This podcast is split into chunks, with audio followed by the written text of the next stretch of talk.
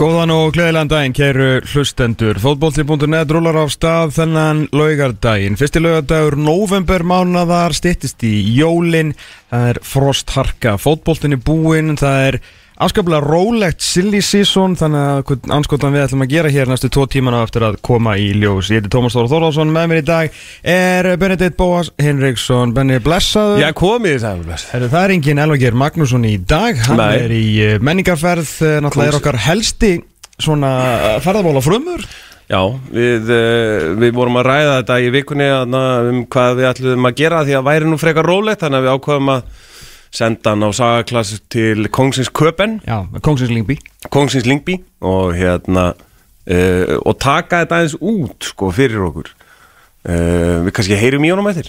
Já, ég hérna, Er einmitt, sko, það sem að mitt hlutverk svona almennt í þessum þætti er bara að svona bara pyrra fólk, bara svona að tala og tala, já þú veist, það pyrrast oft sko, þá ég sé nú að reyna að pyrra sem festa. Að hérna, en svona elvar sér um almennt svona tæknimál sérstaklega, en ég er nú við stjórnbólið í dag og vonum að það fari nú allt vel. Það hefur ekki gert að hinga til en alltaf leið eh, hérna, en hann og ég sendu hann alltaf mikil ferðamóla af frumur og allar svona aðeins að fara yfir með okkur svona stemningunni í Lingby núna þegar þeir eru nú með að deild. Já. verið aðeins að hallundan fæti þó áfram í byggar og okkar maður á leiðinni í eitthvað sko gourmet uh, very important person í dag sko. Já, einmitt, við tókum þann pakka uh, fyrir hann. Já, að sjálfsögðu. Eh, okkur fannst það skilda og hérna, þetta er í félagsheimilinu, þetta er í leiknisheimilinu.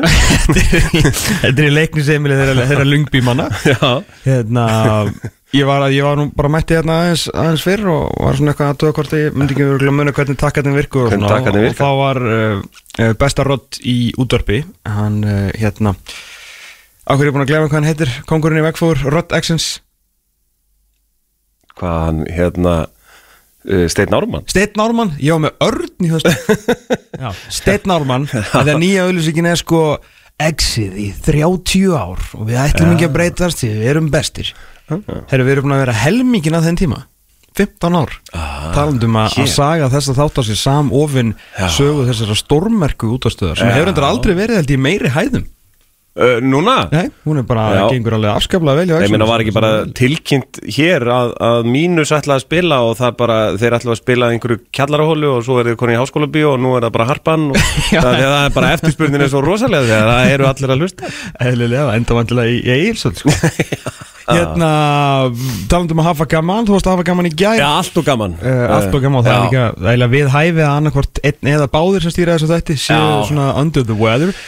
Kallakvöld, herrakvöld Herrakvöld Vals, 40 ára í gær og hérna slegið í partíklárin og, og hérna hefnaðist gríðarlega vel uh, um 400 manns. Það er svakaleg og, mæting. Já, það var vel mætt sko.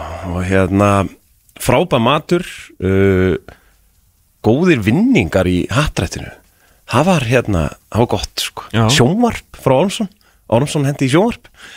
Sem var uh, Er stórt það ekki eitthvað valsfyrirtæki? Jú, jú, jú. Einmitt. Uh, voru fyrir einu sinni framan á búningunum? Það er auðvitað hárið ekki Hérna hefur þú, maður unnið eitthvað á herrakvöldi? Nei, en ég kaupi alltaf haftrættsmiða Já. og ég veit ekkert hvað þeir eru samt sko Nei, nei, nei. Það getur vel verið að hafa einhvern unnið sko. Já, ég, ég vann á hérna, sérst, þar síðasta herrakvöldi vikings Já. og eina ástæðan fyrir ég vissi það var að því að hérna, Guðjón félagið minn sendi mér skilabóð þú ert tveimur dögum síðar eða eitthvað. Og sagði, herru, er þú með hérna, þú veist, 691? Já. Að þá að hann sko kef, kefti báði 10 með það, hann Já. kefti 6, 680 til 689 Já, já og ég 690 til 698 eitthvað slis Já, og bara, já, já, þú vannst hérna 60 skonu ferðin hjá Æslandir já, það annars er náttúrulega bara, þú Já, veist, þínum mönnum? Já, já, já, já, mínum mönnu, sko. Þú veist, þetta ekki Það neitt það er líka nýtist, nýtist áskaplega vel, sko. Er Ari Já, Eldjátt nú svona þá erum við bara ætlum að fara einn aðeins við frétti vikunur eftir augnablík og svo kemur Kristján Allir Ragnarsson og gerir upp fyrsta fjóruðum ganska boltans. Já. Fúlam að taka mútið Manchester United í hátegisleiknum Heldur betur. Marcus Rashford er ekki Það er mismunandi fréttir. Mismunandi fréttir á meilunum hér heima. Hann er ekki í leikmannahópnum í dag en uh, samkvæmt viðtalinu sem er strax byrjað að vitna í við Erik Ten Hag og verður nú hér vantala á Simin Sport eftir ykkurar 15 mínútur eða, eða svo að þá um, er hann ekki í agabanni eftir jammið eftir síðasta leik heldur ferðast hann með liðinu en kom sér ekki í gegnum læknisskoðun í morgun. Já, hann er bara mittur mittur já. Já, þetta er svona hálf óheppilegt að hann svona, ah, ég, mér er illt í tánni eitthvað, Já, þú veist, ég kennst ekki í gegnum við lækningsskoðununa Mhm. og þú veist, degi eftir að Ten Hag er búin að gaggrina hann fyrir fögnuðin, sko. að- sérstaklega þægilegt sko. Nei, það er svona, en uh, já, það, hérna, Moggin sló því föstu, þannig að 11.35 er það ekki ennþá inni bara. En það verið bekkjaður Hann hafi verið bekkjaður. Já, það var svona eitthvað, eitthvað mismöndi eitthvað mismöndi frásagnir sko Já. En allavega hann hreikilega mikilvæg leikur fyrir Erik Ten Hag sem á síðan leik í eh, einmitt í Kongsins Kaupmannahöfn á miðvikudaginn Er Elvar að fara á þann leik eða bara á Lingby? Ú, Veistu ég man, ekki hvar, ég man ekki hvað við kjöptum fyrir það. Nei, ég, maður bara En það er kannski, hann ætti nú bara að framleggja. Já, nákvæmlega, það er hérna Orðistir Nóskarsson og, og félagar í FCK taka móti United og eiga er hérna maður það ekki, næstu er ekki Brentford eitthvað anskotan. Nei, nei, Hva- það er Leopold Brentford. Já, hvað er hérna, að því að þeir alveg steinláu fyrir mínum mönnum í deildabyggarnum og, Já. og ekki það endilega deildabyggarinn sé einhver mælikvarði á eitthvað, en, uh, þú veist, Hann er oft mjög góð mælikvarð að hópa. Já, en, en sko, ég minna eins og hann hérna, Eddie Howe sagði á blamunafundi að, að því hann skipti sko Bruno Guimaraes og Callum Wilson inn á, svolítið seint Já, í leiknum. Og svona, þú veist, yfir 3-0 hvað hérna, hvað ætlaðistu til? Já, bara fá smá mínútur í skrokkina því að það er erfið æfingavika framöndan og ég hugsaði bara það er svolítið, þú veist ég hef aldrei með Newcastle í allt og mörg ár og það er hérna, ég hef ekki verið í þessari stöðu uh, að við séum eitthvað að leika okkur sko. á Old Trafford á Old Í Trafford bikarleik. sko. Já, að þetta sé eitthvað svona þú veist, eh, mér finnst, mér finnst þetta mikið statement sko. ég lesi fullt í þessu orð sko. Já, já, ég hérna sáum líka náttúrulega hefur heldur betur farið hérna uh, viral uh, viðbröð Jürgen Klopp að þetta var heldur síðasti leikurinn í þú veist, á kick-off tímanum að þá er hann á, á blagamannafundunum eins og vantar allir sem að horfa á fótbolta og eru með internetið og eiga síma hafa séð að hérna og þá er hann held ég að sér eitthvað þriða marki fara inn eða hvort að sér úrslitin og hann bara svona gretti sig og þetta er bara svona, Bob, bob, bob Já. Þannig getur nú eitt kollegi verið, að- fjúka. Sem er ekkit ólíklegt að við tapa þessum leika að þá mun hann uh, mun hann fara, kallinn og hvað þá? Það, veist, Það er nefnilega góða bara- spurningin sko. Það er nefnilega stóra spurningin kannski, En eh, þurfa þær ekki, að- ekki að fá einhvern svona eins og stjóra tóttinam bara að fá Steve Wilder eða eitthvað sko. Bara að leta hann ljúan, og kátan drekku bjór. Málið með ansaran sko er að uh, hann er ekki bara að pakka saman blagamannafundunum hann er líka top of the league. Já, já, Þannig að hann er bæði á blagamannafundunum having a laugh, mate mate og á, við leikjónum er hann líka having a laugh Já, Hann er þetta ekki having a life, ég held að segja hann sé having a life Það er svona að við förum í, í ástóðskonum sko. að, hérna, Og nú eru sko Nú eru hérna, hún Alex Aljo vinkonum minn á, á Premier League Mm. stöðinni maður hérna, hitti nú, hitti nú reglulega og þetta var orðin svolítið, svolítið stór hún fann að vinna svona svolítið fyrir skæi og svona er, Já. hún heilsar minna þessa dagana Ok. allt í læ, allt í læ að hérna, hún er með eila, svona samdi bara svona kjaftaði spurningu á síðasta blaðmannfundi mm. eða til þess að svona fara eitthvað svona eins og netið, ég kunni ekki að meta það veist ekki, hérna, hann er ekki hérna til að skemmt ykkur sko, mm -hmm. það er svolítið bjónlegt. Herru, ég var að, kíkja á, á sögulínar hér heima sem eru engar. Sko uh, Við erum alltaf langsíðastir í, í partíið þar sem að við uh, blagamannafundurinn hjá Knastbundufélagi Reykjavíkur var auðvitað haldinn tveimur klukkustundum eftir að ég og Elvar gengum hér út um daginn en svona ef við reynum að- búa til eitthvað kontent úr þessu og taka smá sammendrag um, um, hérna, um vikuna sem að var og viðbröðin við þessu öllu mm. uh, tíma út og viðtal við, við Pál Kristjánsson sem var Pál Kristjáns legasta viðtal sem ég nokkuð tíman hert á ævinni. Uh, svona nokkri punktar sem maður hefði svona vilja einhvern veginn svona aðeins reka ofan í hann en allt í góðu. Ég, ég hef ótrúlega mikið svag fyrir mönnum sem hafa svona mikið metnað og æsingi fyrir svona eigin félagi Mhm. ég ætla ekki að fara að ég meina, menn hafa nú lendið því að segja rángar hlutu mig um viking ég hef náttúrulega algjörlega tjúlast sko. Já. þannig ég ætla ekki að fara að gaggrina hann fyrir að nýta þetta þetta tækifærið aðeins til þess að verja sinn klúb Algjörlega. Bara og mörguleiti, mörguleiti flottur í þessu en svona ímislegt sem maður kannski svona maður tekur ekki maður svona stráir salti og ímislegt eins og bara svona hver hvernig er enda í ræturnum en ok Greg Rætur er nýr þjálfari uh, knastbundufélags Reykjavíkur. Mm -hmm. uh, atkvæðagaræsla fótboltur.net bara svona rétt, ég minna uh, 1750 atkvæði? 1750 aðkvæði, 64% segja að þetta hefur verið slæm ráning, 34% ekki við veit engin, þú veist, einhver alvöru á hvað þetta er, en segir, gefur okkur eitthvað svona eitthvað mynd og hvernig er búið að vera að tala um þetta eftir að, að hann var hérna, fengið til starfa, Kitty Jóns farin Kenny Choppart er farin það er alveg hægt að segja það að hann byrjar í svona 4,3 metra ölduhæð þetta er þóllásöp sem hann er að fara að út í Já, sko. hann, hann, hann krúsar ekki frá landeigum Nei, það, það á, á ramagsskipi og bara allt í, allt í blúsandi logni sko. Ég talaði nefnilega við Káring í gær.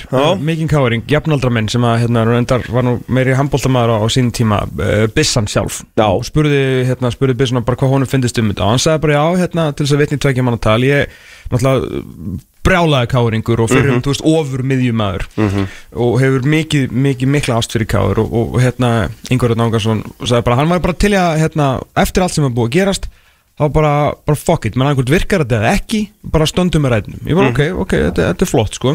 En við vorum svona sammálaðan það eins og skilur, Rúna Kristinsson er bara Rúna Kristinsson. Já. þetta er eitt stærsta nafnið á Íslandi og ekki spurning, þannig að þegar að gekk illeikutin hjá Rúna Erbenni þá voru ekkur hérna með mikrofóni andliti á hann bara, herri, nú, eitt stíð, sýst og þreymur leikjum eitthvað, þetta var hann eitthvað smegur þá bara svona lifta sér aðeins herra að hann er alltaf stærri en flestir. Og bara svona, horfði bara, herru, ég er Rúna Kristinsson þetta er veist, ekki vera þú veist, ekki með eitthvað róka, en bara svona hann átti alltaf svolítið staðin sem hann var á. Algjörlega. Og náttúrulega til hrós líka þjálfaralega að þá náttúrulega endanum laga hann alltaf flestu hlutina og náttúrulega núna loksist náðan þessa yngjulið og mm veist, það er ástæð fyrir þetta svona káir starf er aðeins meira spennandi heldur að var kannski fyrir árið síðan. Ef að þeir fá íja úti vikingu stjörnuna í fyrsta leik og verða þú veist með 0 stiga eða 1 stiga því að skagamenn, ofpeppaðir skagamenn taka þeim punkt í kríunni og svo tapa fyrir stjörnunu vikingi því og það er bara farið beint í Greg Rætir með, hérna, með, með mikrofónin eftir 0 stiga til þrjáleiki hann getur ekkert svarað eins og rúnar bara, þú veist, hann mun ekkert eiga það moment. Nei, nei. Og uh, byrjunin uh, Sko ég held að hérna maður náttúrulega les ekkit rosa mikið í endilega undirbúnisleikina og eitthvað þannig og hann, í rauninni fær bara frýtt spil svolítið sko en svo þegar það kemur bara í alvöruna ég meina K.R. er K.R. og K.R. á heima í efri hlutanum þegar að úslitakeppnin byrjar Já, og, og bara vanir að vinna og vanir því að vinna ég meina það er 2019 sem verða síðast Íslandsmeistarar það er nú ekki lengra síðan sko Nei, nei. uh, þannig að uh, ég hérna ég ætla að gefa honum bara, þú veist, hann má bara gera það sem hann vill en uh, ég kvíð fyrir ef að eru fyrstu fimm leikinnir og það eru fá stig á borðinu sko Já, líka bara Já. þeir sem hafa verið að þjálfa þetta lið hafa, eða svona lang flestir hafa einhvern veginn annarkvort eiga rosa sögu á Íslandi Já. Mm. eins og Lógi Ólafsson til dæmi sem er þó ekki heimamaður eða hafa unnið titla eða eru góðsagnir eins og Rúna Kristinsson og að, meira þess að Bjarni Guðjóns er náttúrulega áttir enda fínasta fyrra tímbil þú veist, það var svona smá sögum fyrir svona hvernig þetta byrjaði hjá honum, þó að setna tímbili hafi kannski ekkert verið neitt sérstak Willum og undan því og David Vinny og Pétur Pétursson, Atli mm. Eðvaldsson þú veist, þetta er allt menn sem að þú veist, annarkvæmt liftu titlum eða bara, þú veist, báru þess að kári treyju bara með smöglu stolti að þeir áttu það eins meira inni. Greg Rætir á ekkert inn í meðlambúðinni, sko. Nei, nei, nei, nei sko. við erum náttúrulega erum kannski aðeins að dæma hann af einhverju sko, þróttara og þórstarfi hérna fyrir nokkrum árum þegar hann var sko 20 ára eða eitthvað. Mm ég ætla að gefa honum það að hann sé búin að þróskast og, og, og vera uh, sko betri. Og hann sagði það nú sjálfur í viðtælinu við haflega Já, að hérna skilur við að, að hérna hann sé búin að viðja að sér einhverju þekkingu hann í Danmörku og eitthvað svona þannig að hérna en káir er bara káir og þeir hafa enga þólimæði fyrir að vera bara eitthvað á botninu með áttöfum fyrir eða Nei, nei, það er nefnilega svolítið málið að Síðan. þetta er, hann verður það spila hratt spila, það, það er kersla í byrjun það er alltaf þannig. Betur. Og og er að fara að byrja ég ennþá fyrr sko, það styttist við förum bara að byrja þetta fyrir jól. Þannig Eh, að Hvar ertu, ef við, segð, ef við hendum bara káir í ótífum bara spána, hvar ertu með þá þar? bara right now. Bara, bara núna, núna uh, mótið er að byrja morgun hvar er, hvar er þeir? sex. Þeir eru samt áfram í sex. Ég sko, þú veist, þú byrja náttúrulega bara, það eru fjögur, það eru bara fjögur lið sem að eru betri en hinn í deildinni. Þú veist, Víkingur, Valur, Breiðablík, Stjarnan. Það er bara þannig. Uh, það, að ég set náttúrulega F á þar fyrir aftan þeir voru í Evróumspilinu og hérna, eru hérna, komin á stað á leikmannmarkanum og eru með Heimi Guðjónsson og það er svona einhver stemning það Um, önnur lið sé ég ekkert að sé að fara eitthvað að bæta sig eitthvað veist, massíft, ég meina Káa getur reynda náttúrulega bara farið upp á við en ég ætla þannig aðeins að býða þar því að þetta var heldur betur skiprót í dildinni uh, hinliðin er bara ekki nógu góð sko. Já, ég held að. Káa er svona hangi einhvern veginn í, sex í, eða í sjö. sex sko. Já, já. Ég, já, já. Ok. Ég held að geta unnið neðra umspilið Ég held séu þar, ég held séu sjö. Verða ekki með í Evra? En bara, eins og staðinu núna bara í dag, er bara, þetta eru sko Kitty og Kenny, ég ætla ekki að hérna, uh, ég held bara mér fannst Kristinn Jónsson og finnst uh, ennþá uh, ótrúlega góður. Og hann var frábæð fyrir Káar og hann var frábær fyrir uh, ég held að Kenny sé sko ofbóðslegu káringur og svona merkilega mikill félagsmaður sko. Já. ég held það, ég enga þú veist, mér bara líður alltaf þannig þegar honum er ekki, hann fer ekkit heim eftir tableik og er bara já, þetta var gott þeir, uh, góða nótt, skilu og fer að svo, þú veist, hann er andvaka sko. Nei, nei, he plays like he cares. Já, það er svolítið hannig Já. og hérna já, ég uh, vonum að ræða það í gæra og að það var nú bara fínt að fá hann í eitt ári á hlýðarenda svona að því að smá millibis ástand já, þú veist, við vitum náttúrulega ekki alveg uh, veist, hvað verður um Birki, sko. En Hammarbíun og er búið að segja vel að búið að opna dyrnar þannig að þá held ég Já. að vera nú freka þar heldur en að vera í ykkur millandaflugi sko. ég held það. Uh, en hérna, og, og þá okkur, þú veist, þetta er svolítið limbo þessi hægri bakvara staða. Já, ég, og ég held að hlinur verði áfram á miðjunni, sko. Já, Verði- verði, verði hann ég, áfram? Ég var alveg yfir höfuð sko. Af Því að nú að þurfa að að fara að negla svolítið í leikmannamálinu Þetta er rosalega erfuður markaður Mhm. uh, Því að náttúrulega það eru fleiri lið, svona stærri lið en káir í dag sem að, hérna, sem að náttúrulega hefur, eh, svo sem að sjálfsson sagt en það eru bara til, er stærri en það er bara meira spennandi og stærri lið sem að hyrða merkilegri bita sem að kannski káir myndi vilja fá þannig að þeir eru einhvern veginn í næstu hulli og þurfa að gera vel við það og hafa gert það, Ég meina, Jói Bjarnar frábær Já, já. Hérna, Jakob Frans virkilega góður Benunni bara stórkostlegur hérna, og meina, þeir eru bara Benunni Breka frá því að hérna, Benunni Breka seldur út sem mjög já, já, frá því ungur gutti sem kann að skora frá því að vera bara í, í alvöru basla sko. Mhm. þannig að þeir þurfa svolítið að fara að negla rekrútið og þá ertu líka farin að spá meira í hversu góðu þjálfari er hann Mhm. nú er alltaf Pál Kristjánsson og, og hans stjórn búin að setja svolítið ekkin í, í þessa körfu og búin að koma honum mikið til varnar með svona smá til að það var eins og Greg Rættar hefði ég veit að hann var að sína hvað hann kann að þjálfa en, en Palli það er greiðlega mjög gaman að því hvað hann vissi mikið um káir á svona þess að heilla með hvað, svona, hvað hann vissi mikið um káir en, en það er líka gott að vita út í hvað þetta fara og það þýðir ekkert að að mæta á okkur fundi á rauða ljóninu og svo ættu bara að spurður hvað káir er marga titla og þú bara e, 12 veist, Já, náttúrulega já. hlusta ekki á því sko. Nei, nei, er- já, eins og við segjum alltaf þetta er káir en hvað fær hann langan tíma skilur Já, ef þetta byrjar illa hversu mikil er trúin á konsepti sem að er græði græði sko. Mhm. Já, algjörlega Það er stærsta spurningin en er einhver sem tapaði meira í öllu þessu dæmi heldur en Sigur Ragnar Ejánsson mm. einu maður sem sótt um starfið í fjölmiðlum og fekk að svo ekki heldur gæði sem að hérna, fjallnast í með Þór og fjall með þrótt skilur svona aðeins til að setja niður þá náttúrulega var eins og segir, var mjög ungur sko Mhm. Þetta þetta, þetta leiti ekkert eitthvað svakalega vel út fyrir Ragnar uh, Elsku drengurinn Grei- En já. Já, greið En ég bara, hérna, já, ég bara, hérna uh, ég, mér, mér finnst sko ég, ég, hef alltaf, ég hef alltaf haft ofbúslega gaman að valur káir uh, ríknum. Mér finnst það svona, mér finnst það náttúrulega merkilegur og þú veist, það er bara eitthvað svona já, hann er líka alvöru. Já uh, káir, við, þú veist, valur getur bara mætt káir í fótbolta kalla. That's it, sko. Þannig að þú veist, við ég meina karvan er komin neðar uh, deild neðar uh, fótbolti kvenna er komin í sédild þú veist, það er svona ákveðin bara þegar maður horfir yfir káir að bara, svona, er, þið verði nú að þið nú að fara að gera eitthvað hérna, sko. Þú Já, veist, já. við erum einhvern veginn svona það er bara vikingur það ekki?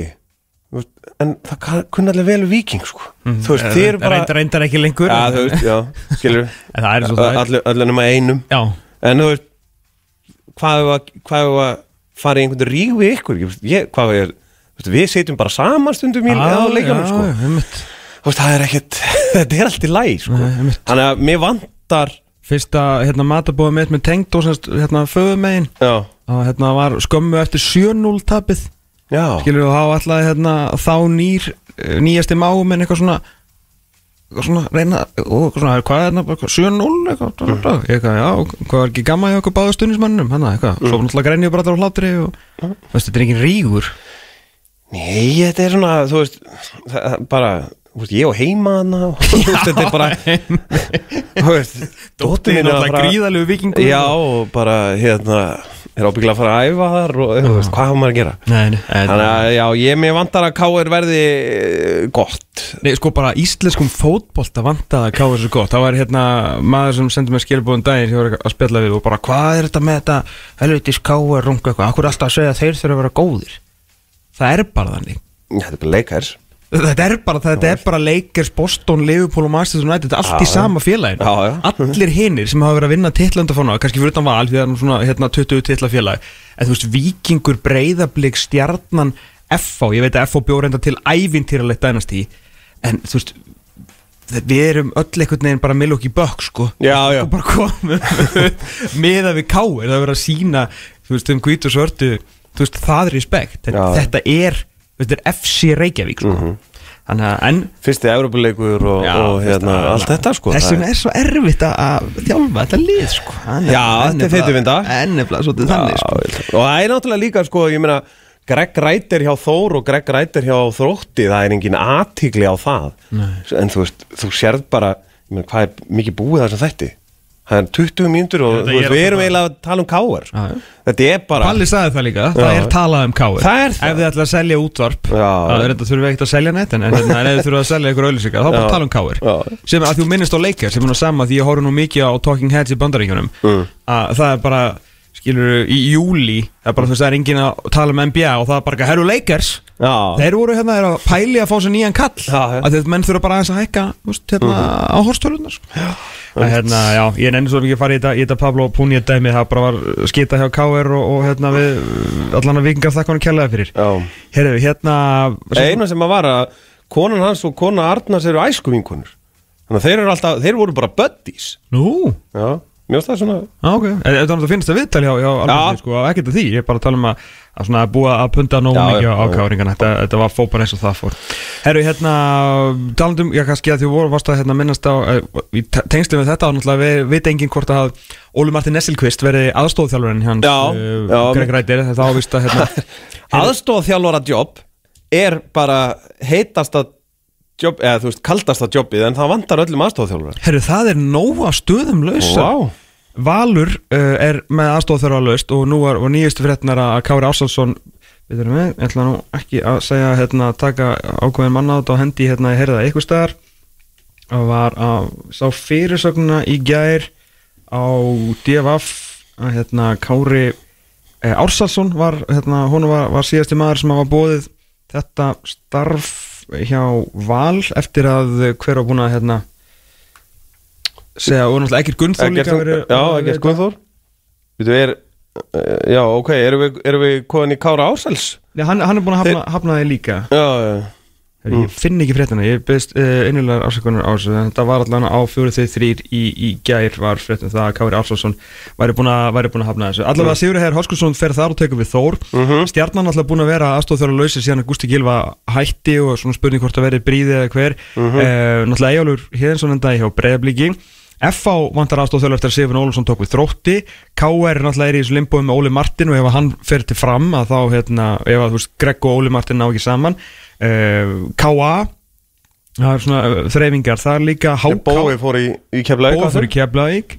Ég reynda vissi ekki að hérna, að minn maður uh, Kári Jónasson, vikingurinn mikli hætti hjá HK vegna annaði starfi. Að náttúrulega AB var hluti með alveg einstaklega með því ef ykkur vantar frábær búð. stórkostlega já og hérna líka mjög gott að vera vikingur að fara smá afslátt ef að kára hérna að vinna. Aha. Já, það er svona detturinn, hann á þetta og má þetta og hérna fram vantar náttúrulega sjálfsögur líka en það gæti spurningu að þetta er rækki sig. Uh, ákvað, saði í guðlarspjaldinu og honum þetta skrítið að vera aðstóðþjálfur eftir að hafa verið já, já. má alveg bera veringu fyrir því. Mm -hmm. uh, annars er vikingur Þetta er þá Valur stjarnan FH KR KA HK fram. Já, Já það er alltaf stóra stöður lausar að, Já, hérna, fyrir hvað sem að sé ungir og spennandi menn uh. -huh. hvað var hérna, Eður Ben var núna orðaður við uh, eitthvað, Já, Eður Ben var orðað við Hafnarfjörðu þegar ekki jú, hvort það ekki Er hann ekki fyrir norðan? eða? Jú, hann var, hann var í teiminu K.A. held hann að unnið einhverja átta yngri flokka til hann bara- Þannig Bara gerði það að dænast í hann í yngrum hlókunum að það er alltaf þetta er En af hverju vantar svona mikið aðstóð þjálfum alltaf? Herðu, ég bara, þú sendir þetta á mig hann að rétt áður en ég fór í góða heiminn. Að það vantaði svo mikið aðstoflega við rættum þetta nú aðeins á, á, á hérna herrakvöldinu.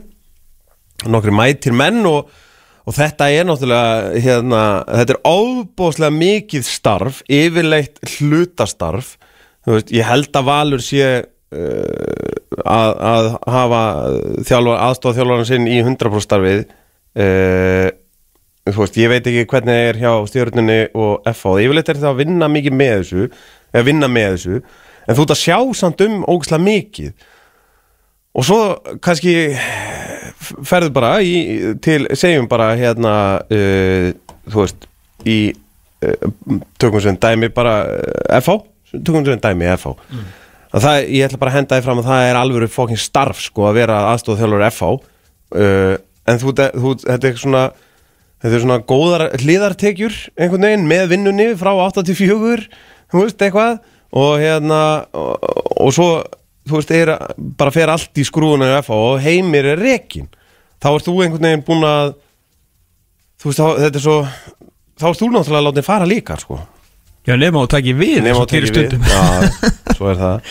Að þetta er eitthvað svona Þetta er óbúslega mikil tími Þetta er óbúslega mikið effort Þú veist Og samt ekki fullt starf Og eitthvað, þetta er svona helteku lífið einhvern veginn Og svo kannski er projektið ekki að virka, sko Og Svo er maður líka, þetta er alltaf svona meir og meira að vera þannig að hérna uh, og hefur svo sem örgulega alltaf verið en maður svona heyra aðeins meira en núna út af kannski þjálfurinn sem er í deildinni að þú ert svakalegur tengiliður og svona eitthvað skonar hérna Einhver svona sálfræðingur. saminuðu þjóðurnar hérna einhvern veginn á milli þjálfara, sérst aðalþjálfurinn og leikmanna, Já, náttúrulega margir talað um það að Heimi Guðjónsson nennir ekkert að vera að ræða málin í þaula mm -hmm. og hérna, bara margir leikminn sagt það mm Mhm. hann er bara svolítið frá, bara ef það er eitthvað alvöru vesen Rúna Kristinsson sagði þetta líka Mhm. Meina, að, hvern, við fengum einhvern veginn viðtal hérna einhvern veginn Káring sem sagði að, að hérna, þú veist, ef þú væri kallað til Rúnas Kristinssonar þá vissir þú væri í veseni, Mhm. annars sá bara aðstofþjálfun um þetta og auðvitað eru menn að fara yfir málin en ég tala með að vera eitthvað svona sem hérna,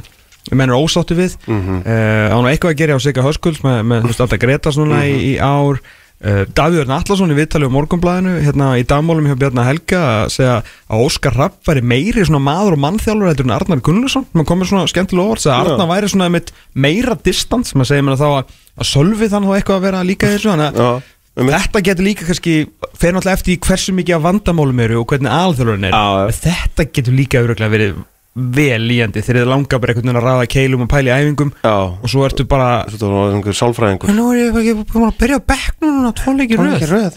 Já, það er hlaupatölun að segja það. Já, en auðvitað segir annað.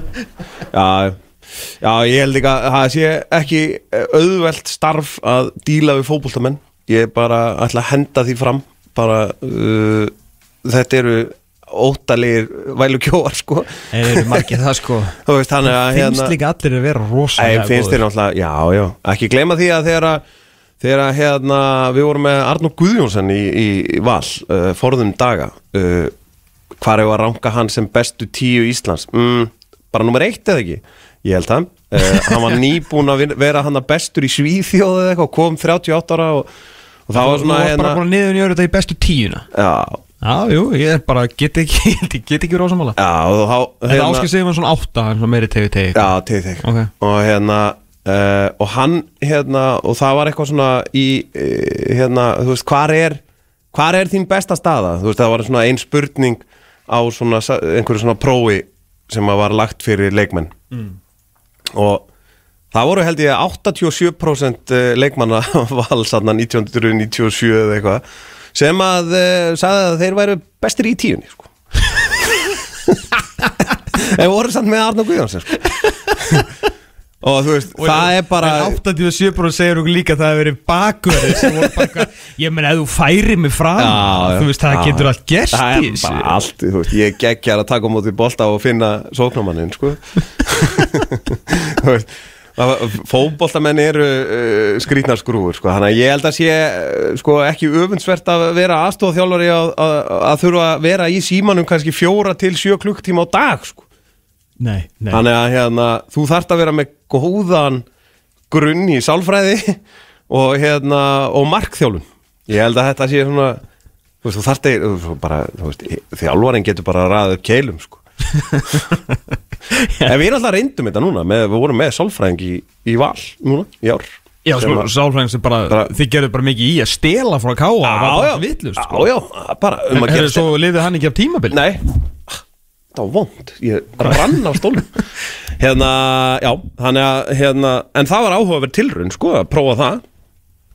Veit svo sem ekki akkur Það endaði eins og það endaði En hérna, ég vona að Þú veist, við erum alltaf að prófa eitthvað svona Þetta bak tjalda Eða þú veist, hvað heitir þetta Svona fólki bak við tjöldin. Mhm.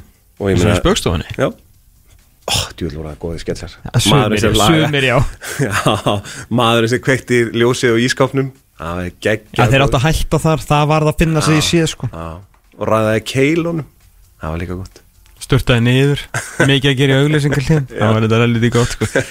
Það er bara hérna Ég menn eins og, eins og hérna Víkingur tók hérna næringar ráð, eh, Nei, hérna Tók eitthvað þannig Mhm. Voru með núna svona næringar ráðgjöf eitthvað Og þú veist Við erum að liðin innan heimir alltaf að reyna að bæta sig og já, þannig og, eða þannig ég held að uh, svona að því að kona mín er nú náms og starfsögjöði að þá hérna uh, þá veit maður hvað er gott að tala við uh, fólk um sín vandamál Einmitt. og næg eru vandamálin í fótboltanum Herru, eitt ár, nú kannski tökum okkur smá pásu og ringi til Lingbaer Það er farið af stað, eh, farin af stað leikur Fulham og Manchester United og eftir einhver nokkra sekundur er Harry Maguire lagstu niður með hann er skorinn, hann er skorinn, Ómar. Aha. Ómar, hann er skorinn. Er blóð? Já, það er blóð, það fekk eitthvað höfuhögg að vera svona verið í lagi með, með törtin Antoni er allavega fór í hérna, vefverslunina og náði sér í Manchester United hanska. Sem er ógeðslega fyndið með svona Manchester United á hérna handabækinu.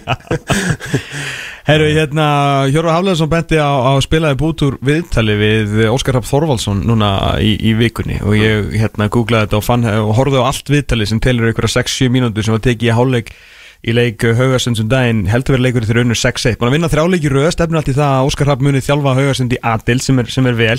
Mm. uh, horfði á þetta viðtal. Sá var léttur. Aha, það var bara svona ég bara, það var ánægilegt að horfa hann með þess að brosti ok fekk svona aðeins að hérna, hann, Nú ég fann, þú með honum í nokkur ár, hefur það gerst? eða? já, já, því að Óskar er alveg sko drullu léttur og skemmtilegur Já. en bara ekki þegar hann er í stríðsham sem Já. er náttúrulega þegar hann er að þjálfa Já. en bara svona þarna þetta var náttúrulega orðið rosalega erfitt hérna, náttúrulega ósáttur augljóslega við hvernig þetta endaði og breyðabliki og tímabili fór þess og það fór fyrir utan náttúrulega Európa-keppnina og svona og auðvitað ímislegt gerst þarna en, og hérna Óla Kristjáns eitthvað batlið og allt þetta en bara hversu bara hversu gladur hann var í þessu viðtali. Hann fekk að hérna var að útskýra hvað hann hefði verið að gera.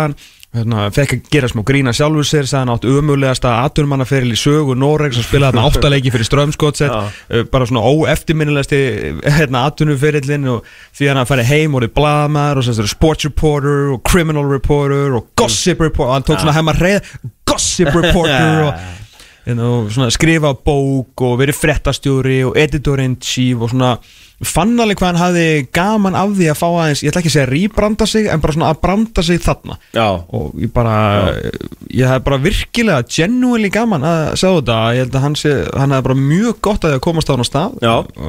í þetta lið sem að er eins og segja að hérna, húrra sér upp, upp töfluna núna mm. hérna, vollurenga, mínu menn og Jóakim, hérna, sportsef og, og félagar eru ennþá, ennþá í brasi þar og ég er bara svona virkilega að minna, ég er bara gaman að sjá hvað honum leið vel hann á liðlinu sko.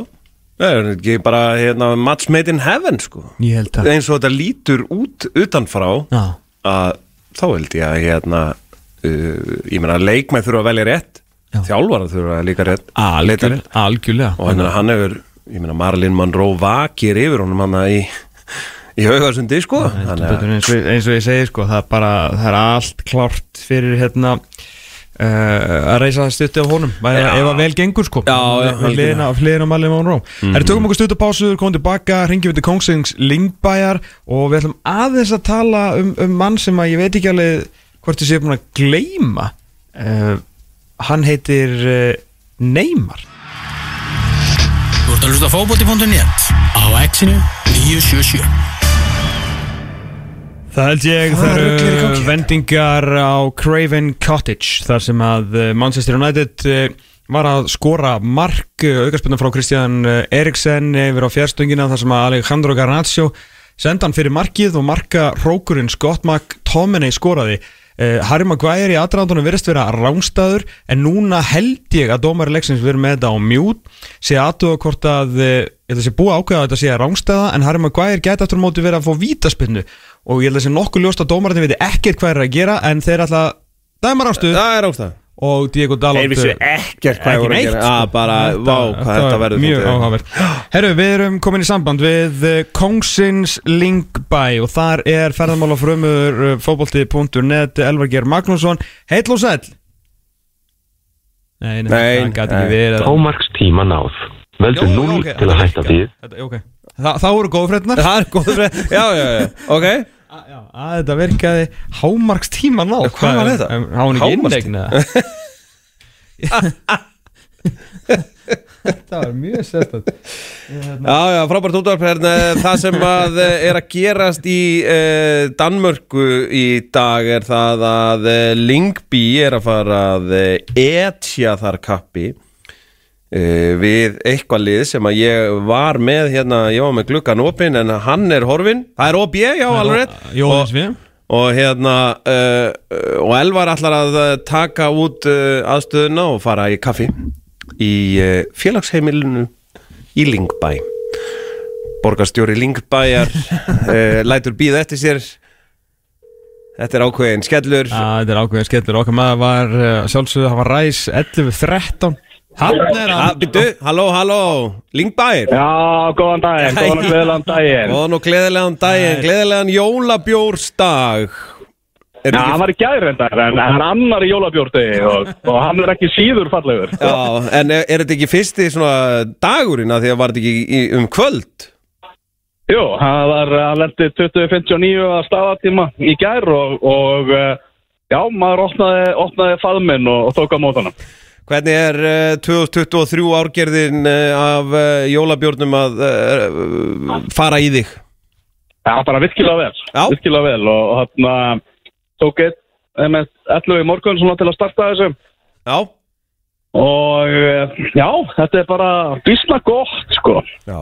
Það eru góðu frétnar Það eru góðu fréttirnar. hérna, Það er prófaði, fyrir prófaði bara í dósinni í gær og, og, hérna, og þetta er uh, 2023 árgangurinn er alveg ljómandi hjá, hjá krökkunum Já, hjá, mjög svo. hjá Túbóg Herru, þú ert Já. stættur í, í Kongsins uh, fyrir, fyrir stafnir er haf og heiminin á heimavelli Lingbæjar, Lingby, Óðinsvið uh, svona Mhm. helstu svona, hver er ástæða fyrir ferðinni bara hafa gaman og hitta hans og, hitta hans og freysa Já, bara kíkja, kíkja á leik hjá, hjá Lyngby. Þriðja leikurinn sem fer á hjá þeim og hann Hvernig er árangurinn hér? uh, hann er bara bísna góður. Það er jafnteflu og eitt sigur og svo verður sigur í dag. Já.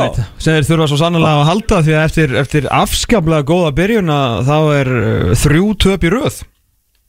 Já, það er þrjú deildartöp í, töp í röð. Unnu náttúrulega þarna í vita, vítaspöndukefni í byggandum Já, þannig að hann en uh, já, það er bara verður að vinna sigur og opið án þjálfara letur þjálfaran sem fara núna í vikunni þannig að þeir eru með aðstofa þjálfaran sem er að stýra þeim. Mm og með stýraðum út, út tímambilið þannig að þetta verður ég held að allir Íslandingarnir séu að byrja að nema Sævar sem hefur verið að klíma við meðslu og að fara að hitta eitthvað sérfræðing byrjar á, byrjar á bekknum í, í dag Já, ok. gæti verið að segja að verða eitthvað lengi, bara lengi frá þetta er svona þessi viðtöl við hann alltaf hljóma alltaf svona verri og verri einhvern veginn? Já, það er bara spurning. Sérfræðingur er vantilega að metur það hvort það þurfum mögulega að fara í aðgerð eða hvað það verður. Já, við býðum að sjáum hann var eiginlega fyrsti maður sem ég sá þegar ég stegi út úr lestinni, þá var hann í, í göngutúr í, í miðborg Lyngby, já Já, Sérfræðingurinn? Ah, Ekkert. Hérna, já, en eh, sko Lingby í sjöndasæti eins og, eins og staðan er núna og nú er vantilega verið að tala við já, fólki í Danmörku í gerkvöldi yfir eh, svona jólabjörnum, minnur ekki fólki ennþá því þráttur í þrjútubi rauð að þetta sé ævintirlega góð byrjun hjá, hjá Freysa?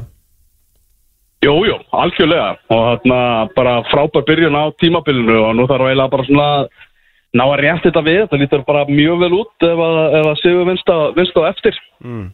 Og að bara, þú veist, ef að liðið heldur sér svona einhvern veginn svona fjarrri fattsvæðinu og sigli likna sjó, þá er það bara skrampi gott, þú veist, eins og bara flesti fótballunendur vita, þá er hérna þá er uh, budgetið hjá Lyngby talsveit lægra heldur en hjá námast öllum liðum í deildinni Mhm.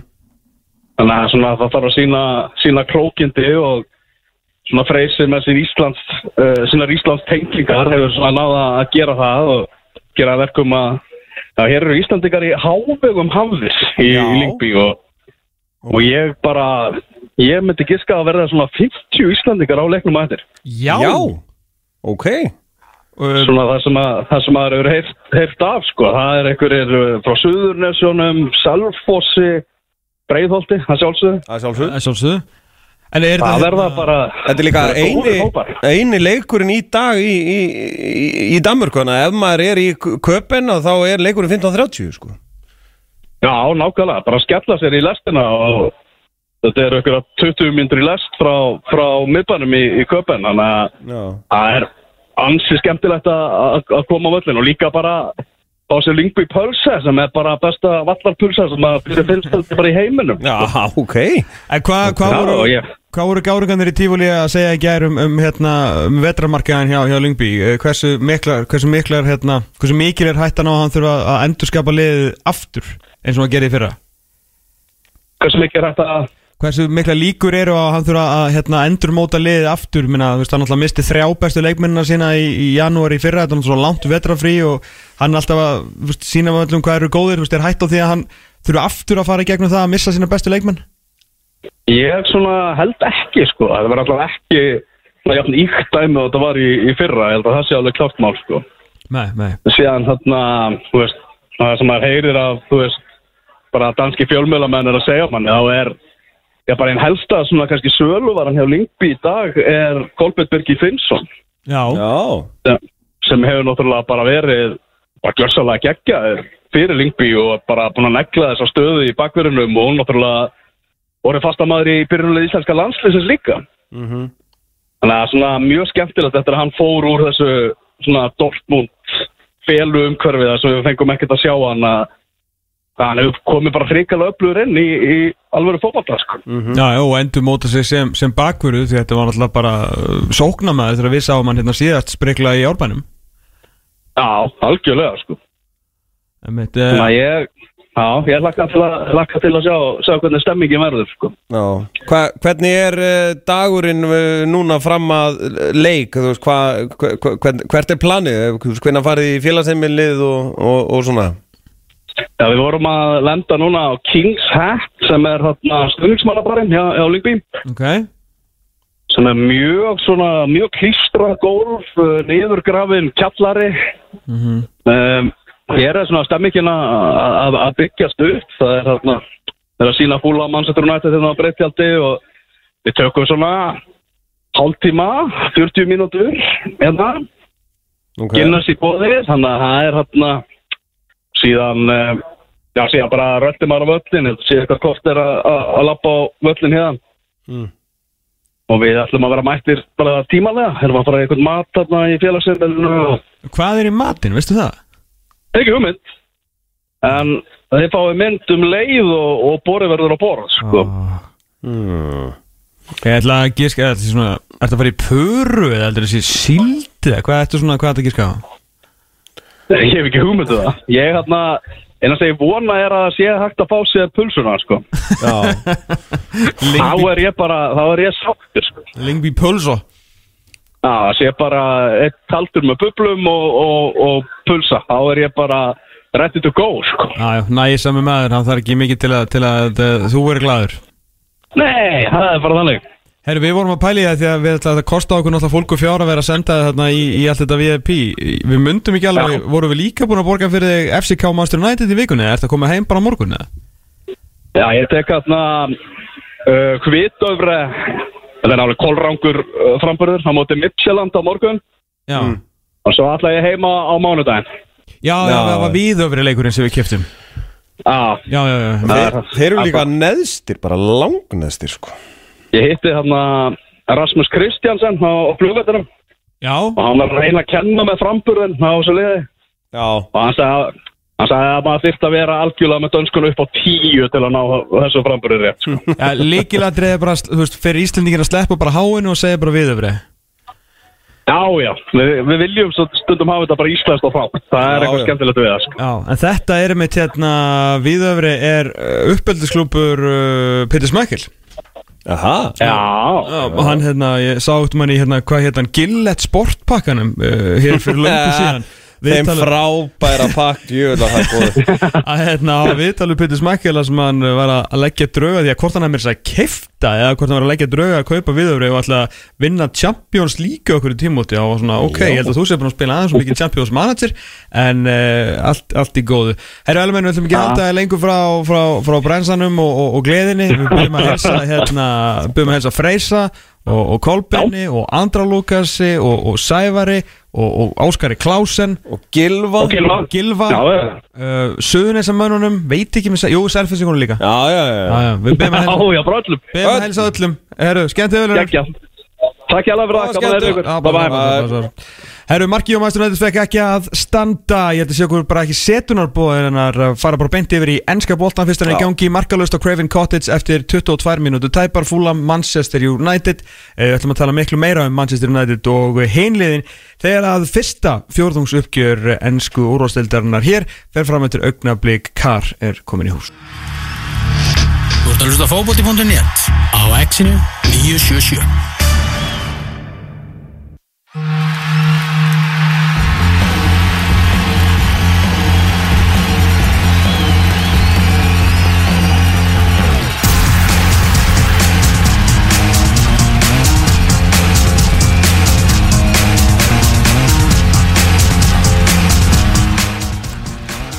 Fótbolti.net rúlar inn á nýjan fótbolta klukkutíma þennan laugardaginn. Tómas Stór og Benedikt Bóas með ykkur 0-0 á Krefin Cottage þar sem hátegisleikurinn fer fram markið dæmt af United.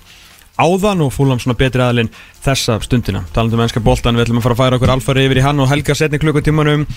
Uh, þeim ennska Premier League koma að fyrsta fjórðungs uppgjörunu með uh, okkar manni uh, Kristján Alla Ragnarsinni, Kar er komin í hús og ég ætla að giska á hans sé á Mike 1 Kristján Alli Já, sæli Yes, Yes, þetta Herru, er bara ekki tæknileg mistök hinga til. Klukk So far. Nei, já, já, bara elvar. Á Elvar, ég, ég ræði ekki símkerfin sko. Nei, nei, nei. Velkomin. Já, sæl, takk. Herru, hérna Enski boltinn Þetta er rosalegt maður. Þessi eini sanni. Þessi einu sanni. Sko það er svona margt að tala um. Ég veit ekki hvort að klukkutími sé nóg. Við höfum að taka þetta okkur svona smá tempo. En ef við ekki að gera það sem við höfum aldrei gert Í sögunni Frá því að þú byrjar að koma hér fyrir sko áratug síðan Það er svo þú komst Að United var mestari þegar þú varst þetta síðast. Gætur þú komst þetta fyrst. Hvað er því? Að Þið, voru að tala um 15 árin áðan Þið ættu helmingina þessu, þessu sögu í högsun Ég held ég sé búin að vera hérna meira og minna Meir og minna sko, Sko, það voru var alltaf að hlæja að þér fyrstu árin. Sigurbjörn Reyðarsson og Dotti Lillu voru með þáttinn þegar ég kom fyrst. Aha, Já, mér var búið fyrst. Það var, það var hérna það er 2008 Já, já, já, Björst eða þá leikmaður. 15 ár Svo fekk hann þrjá hjá Henrybyrgi og hérna, það var ekki svona adressa, það var mjög fyndi hérna, En ég held að við höfum aldrei gert þetta áður. Uh, Mögulega þegar hérna, á Pochettino tímbili þegar gekk hvað best En eftir fjórðungadeldinni að þá uh, er Tottenham Hotspurs Efstir í deldinni með 2060 og þeir hafa ekki ennþá tapað fótbolltaleik Áttasýðrar, tvö jættöfli og þeir eru með skemmtilegasta stjórn í deldinni By a country fucking mile. Uh, Þeir elskan, þeir dyrkan og dáan gaman að horfa á tóttunum aftur og ekki bara gaman hendur vinna eða fótballtaleiki Já, ef þú værir bara nýbúið á plánitinu jörð og þú hefði bara komið ekki sérst unga barn? kom, komið frá hérna Bíbildi Búb í, í ágúst og, og beint raklegt til Lunduna af því að þar gerist allt í mannlífun og sagt ég ætla að kynna mér þetta hérna, ég ætla að vera dulagerfi, mannagerfi og ég ætla að byrja að mæta fótboltaleiki. Og þú hefði valið þér hennar nýja flotta völl í, í Lundunum og mm byrja að fara á fótboltaleikið þar og þú hefði byrjað að horfa á og þá væri bara, "Heyrðu, þetta er geggjað. Hér er bara, ég er bara mættur í vöggu fótbolta. Og svo myndir þú lítið í kringu og segja en af hverju er allir svona stressaðir í kringu mig? Er þetta líka ekki bara vant í að, að, að sjá hérna konfekt fótbolta og, og vinna titla og vera eftir Þessu fyrra, og hérna veist, þetta, þetta rýmar ekkert við það sem við þekkjum, tóttinam hafa kannski verið á toppnum áður hérna eftir þrjárumferðir eða eitthvað en ein ósigraða liðið og, og bara vel efstir. Og, og langt flottast einhvern veginn. Annað að þau eru umferðir. í Norrlöndunum Já, já, reyndar. Já. En Arsenal eru hann með einhvern tveimur fleiri jafntöfli eitthvað, það munur hann það. En að því að þú segir stressaður uh, stressaður stuðnismenn að þeir svona Þeir eru náttúrulega hljóð, þú veist, það hlýtur að búa í tóttinastöðnismönnum að býða svolítið eftir hérna klukkan slái minnetti hjá, hjá Öskubjöskur Já, já, Já, já, það, Það er þetta moment sem allir er að býja Já, eftir. ég er að Menn vinna sem með kannski einum treysta þessi alveg en þá Ég er að vinna með einum alveg grjótörðum spörsar og hann er að njóta uh, þess sem er. Já. En hann veit að þetta blaðran mun springa. Já, já, einmitt, sko, Og hann er bara að ég þekki einn, ég þekki einn, eh, ég þekki þetta tvo en hef bara heyrt í einu nýlega sem að tala um sko, þetta þýði það að mistaradeildarsæti sé líklegt. Þú veist, hann er ekki einn svona hugsun titil Það er ekki bara fín ski, Já, ég meina það er bara ákveður raunsægi Já. en ég held að hann sé samt svolítið stressaður þegar hann segir það sko því að menn, menn er í deildinu vilja samt ekki tala um fjóruðarsæti upphátt sko því að þá getur verið að jinx eitthvað Já, já, já. Sko, mér finnst þetta ótrúlega skemmtilegt hvað hann hefur gert þetta á skömmun tíma og mér finnst þetta svona skólabókardæmi að því við munum tala um, um hérna, United og eftir hvað þú getur gert ef þú ert með, með skýra stefnu og hvað stefna og plan uh, er mikilvægt í heils fótballtanum í dag.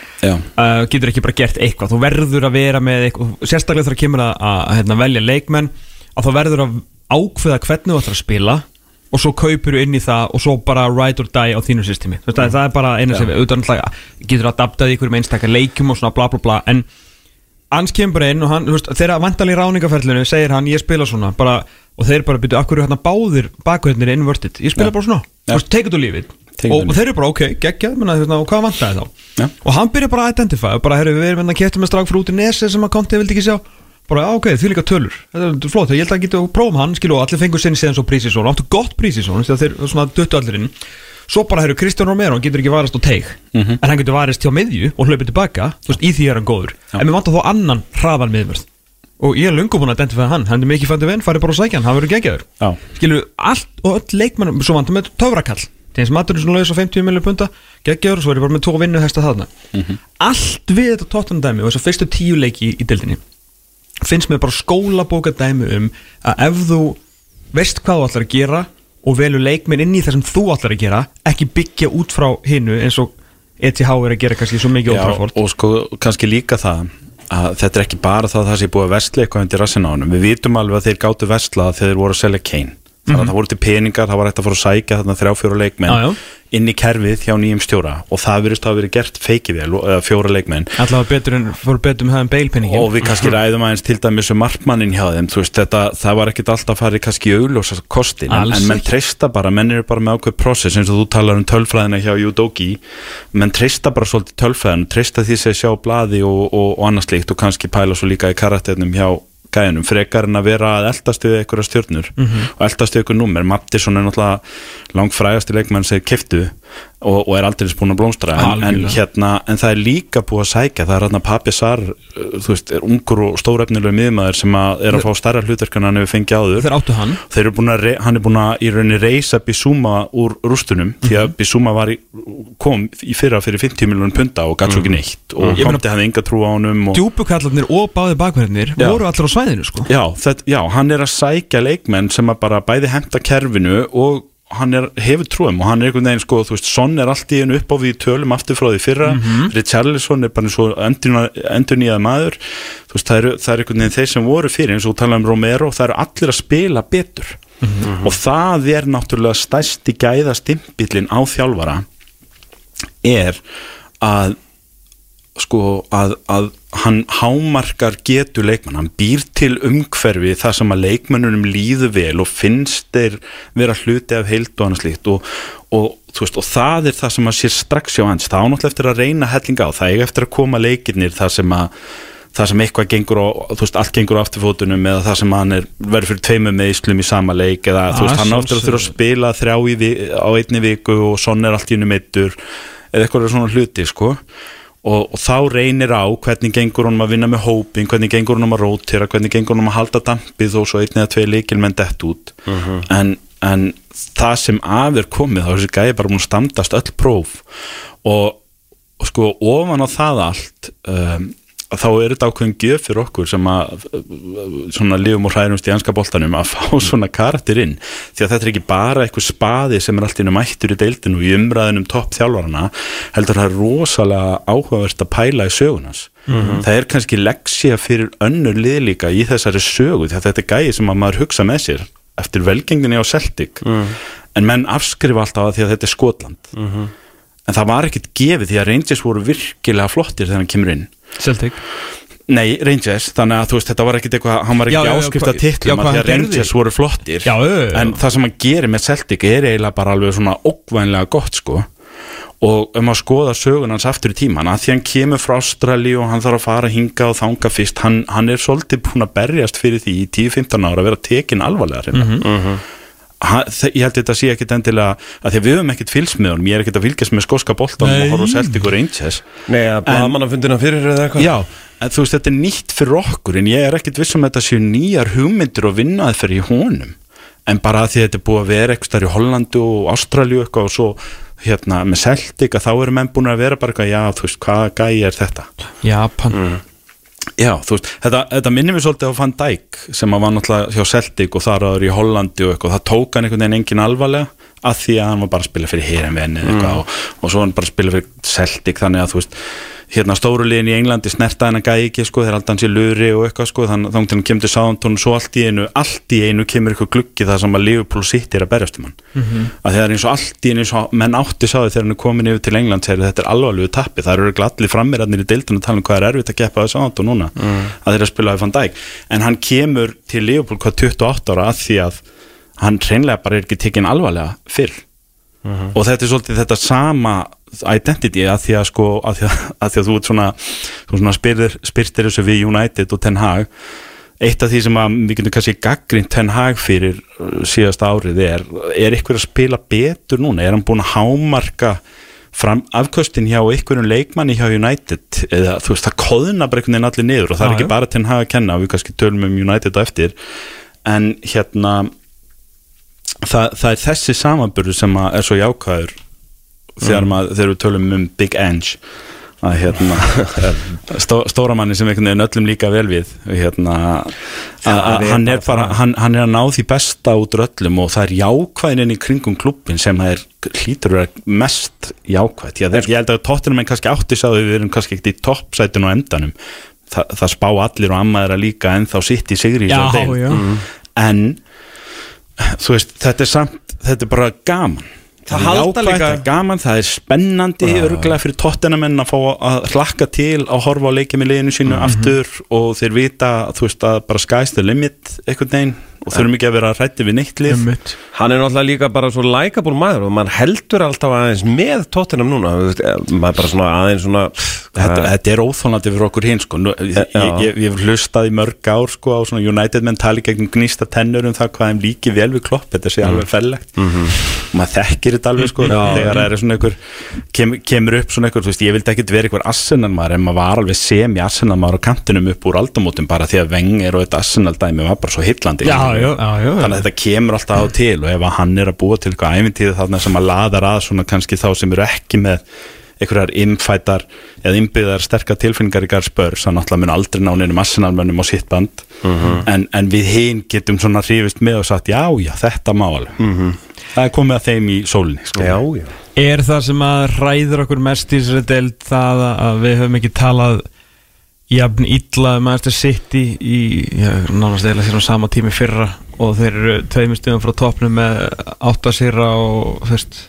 Þetta er bara það sem ég gera. Þetta er náttúrulega alveg sko. Þetta er þetta er, haf, veist, þetta er 10 km hlaupið mm -hmm. olimpíuleikunum sá sem vinnur gullið er aldrei efstur eftir tóringi eða fremstur, nei. hann er rólegur fyrir aftan kanjuna og hann lætur bara, það er eitthvað gaur fyrir framan hann að brjóta vindmótstöðun og svona hann er að anda örli döðuldar á meðan hann er alltaf sekundi fyrir aftan hann svo síðustu tóringina mættur. Og það er bara það sem sitt í gera ár eftir ár eftir ár þá er alltaf eitthvað Chelsea eða Liverpool eða Arsenal eða eitthvað sem eru efstir. Og menn eru farin að að fá glýrnur í augun. Við getum verið efstir um jólin og svo bara allt í einu í janúar það ranka með vissur þetta. Sittilega búið að vinna 12 í röð Já. og bara farnir. Það er það sem þeir gera og það er að því það, sko, successi hjá þeim byggist sko, það er rosa margir faktor þeir eru náttúrulega með ógeslega góðan leikmannhóp þeir eru með geggjaðan, þú veist, bara besta deildaþjálfari heimi og allt þetta. En successið hjá þeim umfram allt annað er breyttin um leið og við erum komin í jólatörnina, það eru kallt úti menn er að spila á frosinni grundu og allt þetta kjaftaði. Þú veist, það eru, eru þrýleikir á viku, bara vikum saman og menn eru farin að missa leikminni meðsli og ykkur eru farin í alvukeppnur og eitthvað svona, þá er þetta erfitt og þetta er ströggli á öllum hinum liðunum en sitt í, það sér ekki högg á vatni. Því að þeir eiga bara landslýsmenn á bekknum og fyrir utanhóp og Pep er bara einstakur í því að spila úr því sem hann er með. Hann er náttúrulega alltaf, þú veist, það var öll að spila úr því sem þú ert með þeir eru með fullan bílskúra, Rolls Royce og Ferrari En nú er kannski sko, smá spurning með þetta út af hérna, reyndar náttúrulega Jeremy Doku sínt fullt af flottur hlutum og hann er svona lítur ókvanlega tilbúin út með hvað hann getur gert. Hann er kannski endproduct svona uh, leysi til að byrja með en, en allt annað mjög flott. Skiljanlegt, það Nún er svona kemur. spurningamerki þetta er svona kannski fyrsta sinn sem hann þarf að svona reyna hópin svolítið fram á við. Já, hérna, það, er svona, það er svona eini í þessu en með er, hvertir eru komnir og eins og segir að þeir, þetta, þeir í harbakkan slæðir og svo náttúrulega er hérna einn gæði hérna frá hvað heitir hann hérna belgiski, helviti Já það flottur. er það sem ég ætla að fara að segja sko, þeir eru að gera þetta allt án hans. Úff. þessi rauð þar eru frá Belgíu. Þeir, þú veist, þeir eiga hann inni. Eins og þetta sé ekki nóg gott sko, þú veist, þetta er bara Það eru fimm þetta er bara að- ósanngjarnt. það eru og það- fimm lið búin að skora meira heldur um Manchester City. Þeir eru samt búin að, ég held að hann var nú svo pyrraður á varnarleiknum í fyrra Hann er búin að taka hann í gegn Þannig að nú þurfa þær oft bara að skora eitt mark sko. Já, Pep er bara með þetta. Ah, er, að- þetta er sama og alltaf. Sitt í umræðin, hún er einföld. Við ætlum í 90 stig, má bjóða okkur að fylgja ykkur fylgja okkur. og, og Arsenal geta alveg gert það eða Liverpool eða ykkur eða, eða Tottenham í eitt eða tvö tíðanbíl svo er menn bara orðnir þreyttir og sitt ég er ennþá í 90 stigunum. Einhver annar, Já. uh, Tommi er þreyttur hann farin heim og svo Benny má bjóða þér. Ég er ennþá going sko, ég er ennþá að djama Við Newcastle menn erum að taka sátt í dildina í janúar þannig að við, við fáum Benzema og Newcastle eru Newcastle eru bara ennþá þarna. Þeir aðeins erfið hjá þeim mestaradöldin það, það er eitthvað svona það er eitthvað svona cultural crash course í gangi þar. Ég hef ekki séð þreyttara fótboltalið Já, en- spila úlfónum en, en, en þú veist byrjunin var erfið hjá þeim og svo bara held ég frá 10. september eða eitthvað þá er þetta toppjörli þannig að Já. þeir eru bara coming up the hill boys. Og ég myndi ekki hafa byrjun að þeir eru þarna. Njúkastlega er merkilega langt frá þessu. Ég fann það bara að leita á töfluna á hann Þeir eru bara með 17 stík Já, Já, en þeir eru strax samt. Topp top fjórir eru topp fjórir og það er búið öll að sitja hérna núna og segja þetta eru bara topp fjórir í vor af því að þessi lið líta öll það vel út. En ef það er eitthvað lið fyrir neðan þarna, þú veist, við kunum talað um Aston Villa frábærir en Aston Villa eru það sem þeir eru eiginlega alveg á hápunkti geturar Newcastle eru það sem þeir eru og manni finnst þeir eiga meir inni. Og, og hérna þannig að þeir eru ef það er eitthvað lið sem að blanda sér í þessa baróttu við þessi topp fjögur sem eru í dag þá er það Newcastle Já sko ég er nú bara með að opla hérna mitt því að var nú hérna búið skilti fyrir uppbytunum á, á, eftir sko það er náttúrulega stór merkilegt með njúkastlið sem er í 17. sæti að því að það- 17. sæti Nei, með 17 stig afsakið, þeir eru ekki að falla Já. En hérna, þeir vera að setja þetta upp á móti Arsenal og sóknarlega því að Newcastle er í efsta sæti þegar kemur að mörgum, öðru sæti XG fyrsta sæti XG per skot uh, vefsta sæti hérna sjálfs som target er rosalega skilverki, þeir eru með frammeira sem hitta á markið og sparka honum stundum fram hjá markmannu líka sem er geggjupæling er og náttúrulega langhæsta hérna, hlutfalls sko, þeir eru með 18,6% skotnýtingu sem er bara eins og veist hjá lélugum bara handbóltamanni að utan sko, sem er samt gott í fótbólta Já. uh, varnarlega fínir líka en samt eru þeir nefnilega út af þessum hérna, út af þessu álægi þeir eru án Elliot Anderson, Sandro Tonali þetta út af öðru bannar, Isaac Barnes Botman, Jacob Murphy. Þetta eru strákar sem búin að spila fjóra til nýju leiki í öllum kefnum á, á, á tímbilinu þannig að það er búið að ganga ímislegt á erfið byrjun, þeir samt búin að skora langmest sko. Það sem núkastlega þarf Ja, að mest, gera ekki langt. Þeir þurfa bara að halda þessu í seilingafjarlæð Vi, þú, við erum að tala um Champions líka ekki Jú, ég er að tala um erum ekki- Núkastlega er klálega ekki að fara að berast um titil í ár út, út af stöðunni, bara út af hæri byrjun og annað. Þú getur ekki hleyft Nei, nei. sérstaklega sitt í þessa fórgjöf en, en þeir eru bara eins lengi og þeir svona ná að halda í treyjuna á liðinni fyrir fram að sig og s- missa þá ekki alveg úr höndunum og, og, og, fyrir hotnið þá eru þeir alveg í þeirri stöðu þeir eru að fara að endurheimta menn og, og, og þeir versla alveg örgla í staðin fyrir tónali í janúar myndi halda til dæmis Varstu hissa þegar annað. Ruben Neves var orðaður alveg bara hakan gólfið sko. því, líkt plott En hvað segir þið um að ef að við, hérna, við tökum, uh, við bara sækjum okkur Benzema, Engolo Kante, Ruben Neves og uh, Ég vil ekki sjá eitthvað svona Eitthvað? svona, hérna, eitthvað farlama gamalmenn Ruben Neves, já, Já, hann, er mest, hann er mest leikmaður sem ég veit um. Rúben Neves er, er njúkastleikmann Hann er bara full- annan janúar það er bara, Bara strax. klapp á klárt sko. En þú veist, en ég myndi ekki fara að sækja Engól og og, og, og en hvað myndið þið sko. segja, sko, ef að bara kemur bara, já, ég meina, við eigum þetta, við meðum sko, þetta. já, en sko, það er það sem við heldum að myndi gerast. Þetta Já. er þetta er orðin, hérna tvö ár núna og það hefur í rauninni ekki gerst ennþá. Þeir hafa verið mjög íhaldsamir þeir sækja, þeir eiga pening og þeir eru æsla leikmenn.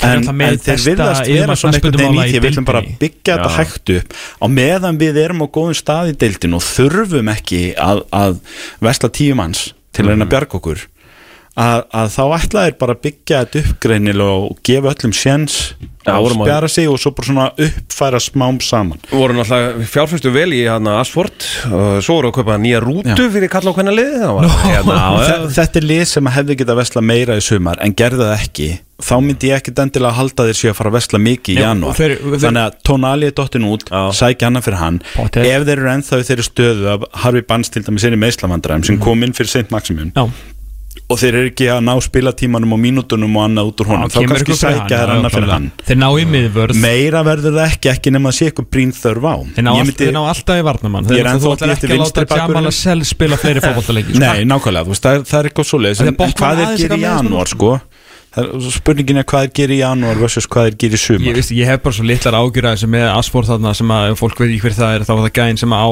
öll kaupin fram að síðasta svona árunu hjá, hjá Brighton.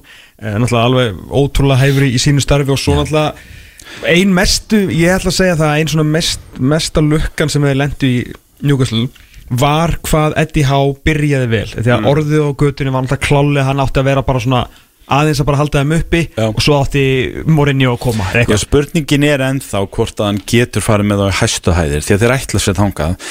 En það getur verið þrjú til fimm ár þangað til við erum farnir að þrýsta á svarið Já, í þeirri spurningu. Ég- ég og um að meðan þá er að þetta bara væri hrikalega gott. Ef að Conte Mourinho var Já. þá væri hann að að sækja ykkur leikmann sem myndi klálega uppsetta klefan Ef að Mourinho sæti þetta núna með tímabili sem hann átti fyrra þá væru menn brjálaðir í dag því hann er ekki að berast um titil Já, en að því er að í Howe er fyrir, já. þá er einhvern veginn bara þólum menn horfa einhvern það er- það er að veginn rólega og yfirvegað á hélst þarna. verkefnið Hva, hvað segir njúkastlumaður um þetta? Erum við á vittigötum minna? Nei, ég er Erum menn ekki bara frekar rólegir yfir þessu? Jó, ég hef náttúrulega alltaf sagt að Eddie Howe mun verða fórnalamp síns eigins árangur sko. því að því að bara hann, þetta meistaradeildar sæti þetta, veist, það er náttúrulega fókin furðulegt að vera bara eitthvað herri já, það er eh, PSG á Já. skilur við, Jú, við vorum að, við vorum að rifjað upp, það eru actually sjö ár síðan að Tommy sendi mér einhverja tölfræðu um hérna Uh, að Newcastle var minnst með boltan get ekki neitt, uh, get ekki skorað þú veist, Joey Barton var hann þú veist, þetta var bara eitthvað, þetta var algjört fjasko Þetta-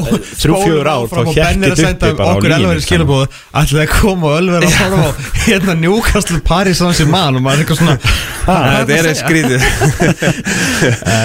en ég vil bara hérna, já, ég En Eddie Howe þjálfa landsliði næst þegar hann verður látið fara. Ég hættir auðvitað bara í góð veist, þetta, þetta er gott vandamál fyrir hann að hafa. Hann, hann er þegar í alveg svakalum pluss með þetta njúkastlega með þar sem hann kannski byggust við á hann Mm. og ef að, ef að það endar þannig að hann er ekki, hann er látið fara eftir tvö ára því að hann, hann er eitthvað svona smá glérþaka og mann næri ekki alveg að kleppa við, keppa við pepp og klopp, skilur Mm.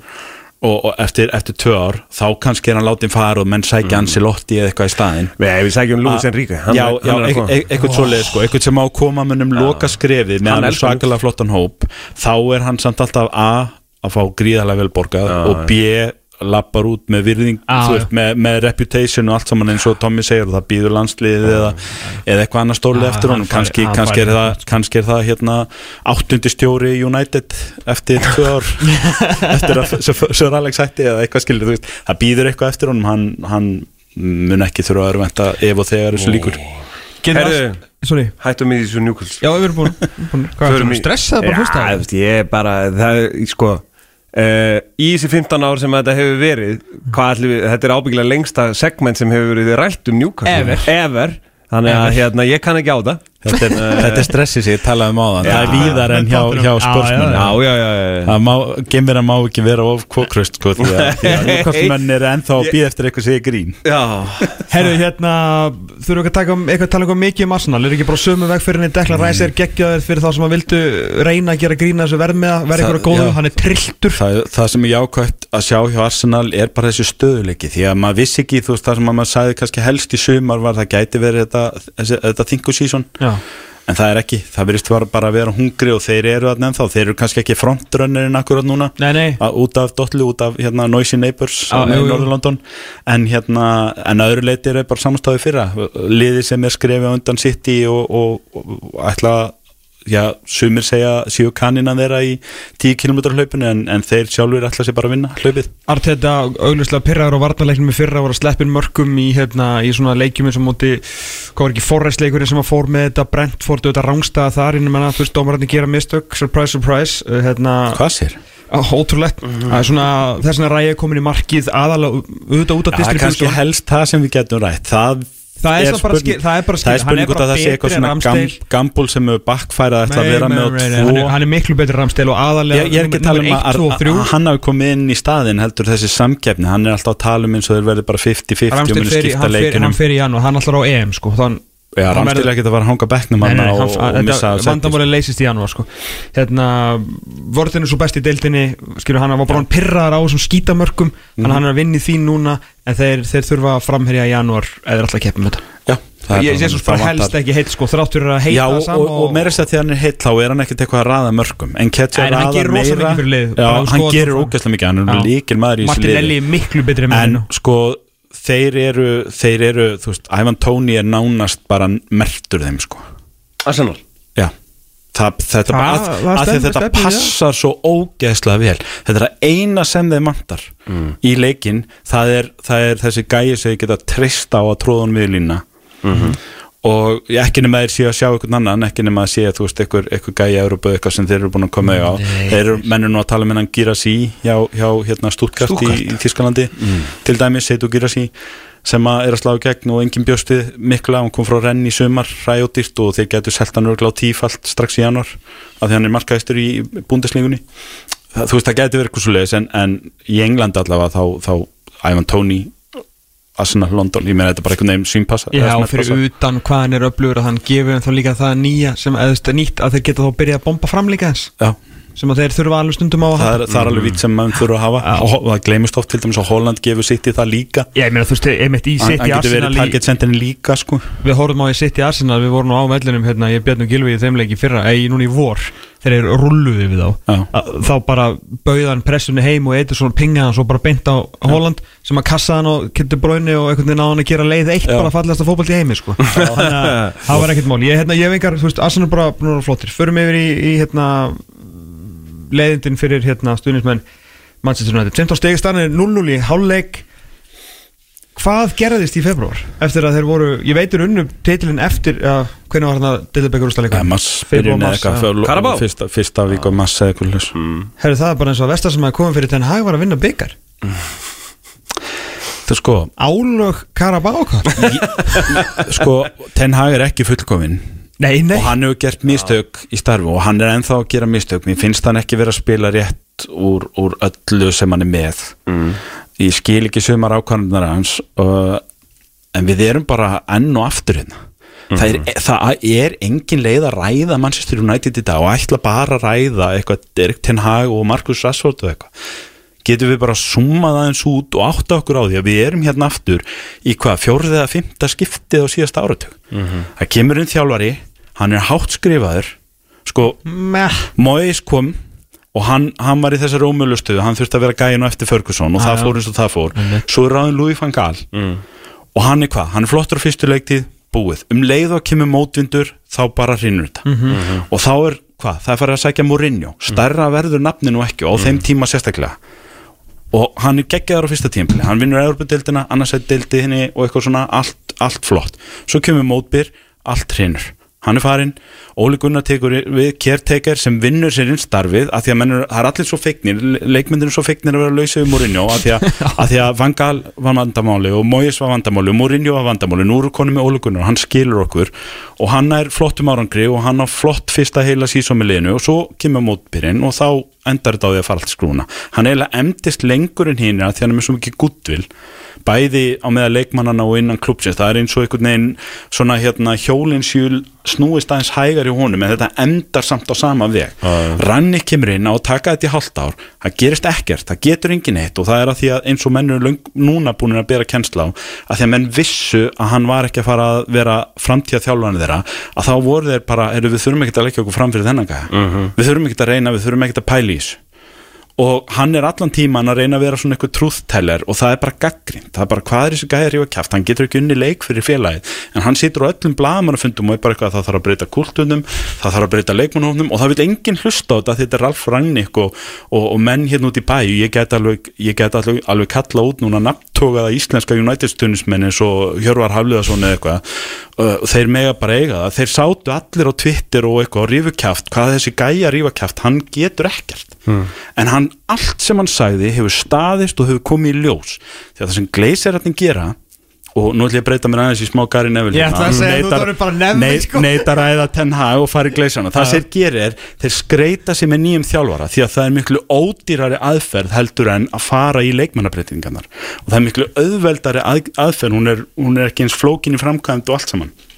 Það sem þeir gera er ef það kemur ákveðin háfaði núna um Ten Hag, ef hann tapar í dag eða ef hann gerir jafntöfli í dag og tapar á miðvikudaginn á parken eða eitthvað skilur að þá kemur háfaðin og það enda með að þeir láta undan háfaðinum og svo þú veist ráðaður einhvern annan og það verður sóttur hann einhvern deserbi eða, eða grein pottir á lausu eða hvað það er, eða jafnvel ringja í Pól Skóls og Gary Neville og gefa þeim þetta til eða ringja til Molde og spyrja hvort Óli sér til. Þú veist, þeir gera eitthvað og það verður vinsælt og þá kemur bjart sínin aftur og við byrjum aftur núlstillum aftur þennan 12 til 15 mánuða bjart sínisglugga hjá Manchester United. Það sem að leikmennin eru aftur fattin að nenna þessu og það er allir bjart sín og nú ætlum við á toppin Og Rashford hvað gerist eftir 15 mánuði þegar þetta er er ekki eða Graham Potter eða eitthvað Markus Rashford er ennþá hann Luke Shaw er að kveðja sjötta stjóran sinni eitthvað skilur, Harry Maguire verður ennþá hann og þessi gæjar, McTominay og hvað er heita verða allir ennþá hann farnir í verkvall á ennett þjálfaran og ætla að býða eftir þeim næsta að því að það tekur enginn hjá Manchester United stóru ákvörðundar það má vel vera ef að þú gætir ef, eins og ég, um, United mann sérstaklega á kantinu núna sem tala við mig á hverjum degi um það að hann sé bara býð eftir Radcliffe Radcliffe þarf að koma inn, hann ætlar að laga þetta allt. Hann ætlar að fá inn í mann knaspunum mál og hann ætlar að sækja sinn stjór og hann ætlar að gera breytingarnar. Erum við viss? Erum við viss að því að, að sko, eina frettin sem ég lesi um Radcliffe er að hann og Graham Potter séu miklu mátar. Mm. þannig að ég set strax smá fyrirvara við það. Býtur þessi gæi á hann að eignast 25% hluti í fyrirtækinu og hann setur það sem skilir því að hann fá að koma að inn og taka yfir knaspindumálin af gleisirunum Hver, hver séru? uh, hann hann að Radcliffe, Já. Tony Radcliffe eða hvað hann heitir, Jim- Jim Radcliffe. Jim Radcliffe. Hérna hver er Tony Radcliffe? Það er eitthvað grínist eitthvað að sló saman hjá mér? Allt er ekkoinu hjá honum hérna Andy Kaufman. Það getur verið. Hérna og, og hérna og, og hann ætlar að koma hann inn og það eina sem við vitum um hann er að menn er að segja það að hann sé líklega til að ráða Graham Potter að því að þeir eru fellar. Fellar úr fellinum og, og þá spyr ég mig er, er, er, er, eru þetta stöðluðu vinnubröðin, góðu vinnubröðin sem við erum að láta okkur dreymum að fá inn hjá Manchester United? Eitthvað gæði sem ætlar að ráða fella sinn inn á kantinn. Og þú veist hérna, það má vel vera að það veri frábært og þú takir til og ræklir komaðn inn og það verði allt gert. Og hvort sem að Ten Hag er áfram eða, eða Graham Potter eða hvað hann heitir til Serbi eða Zidane eða bara you name it.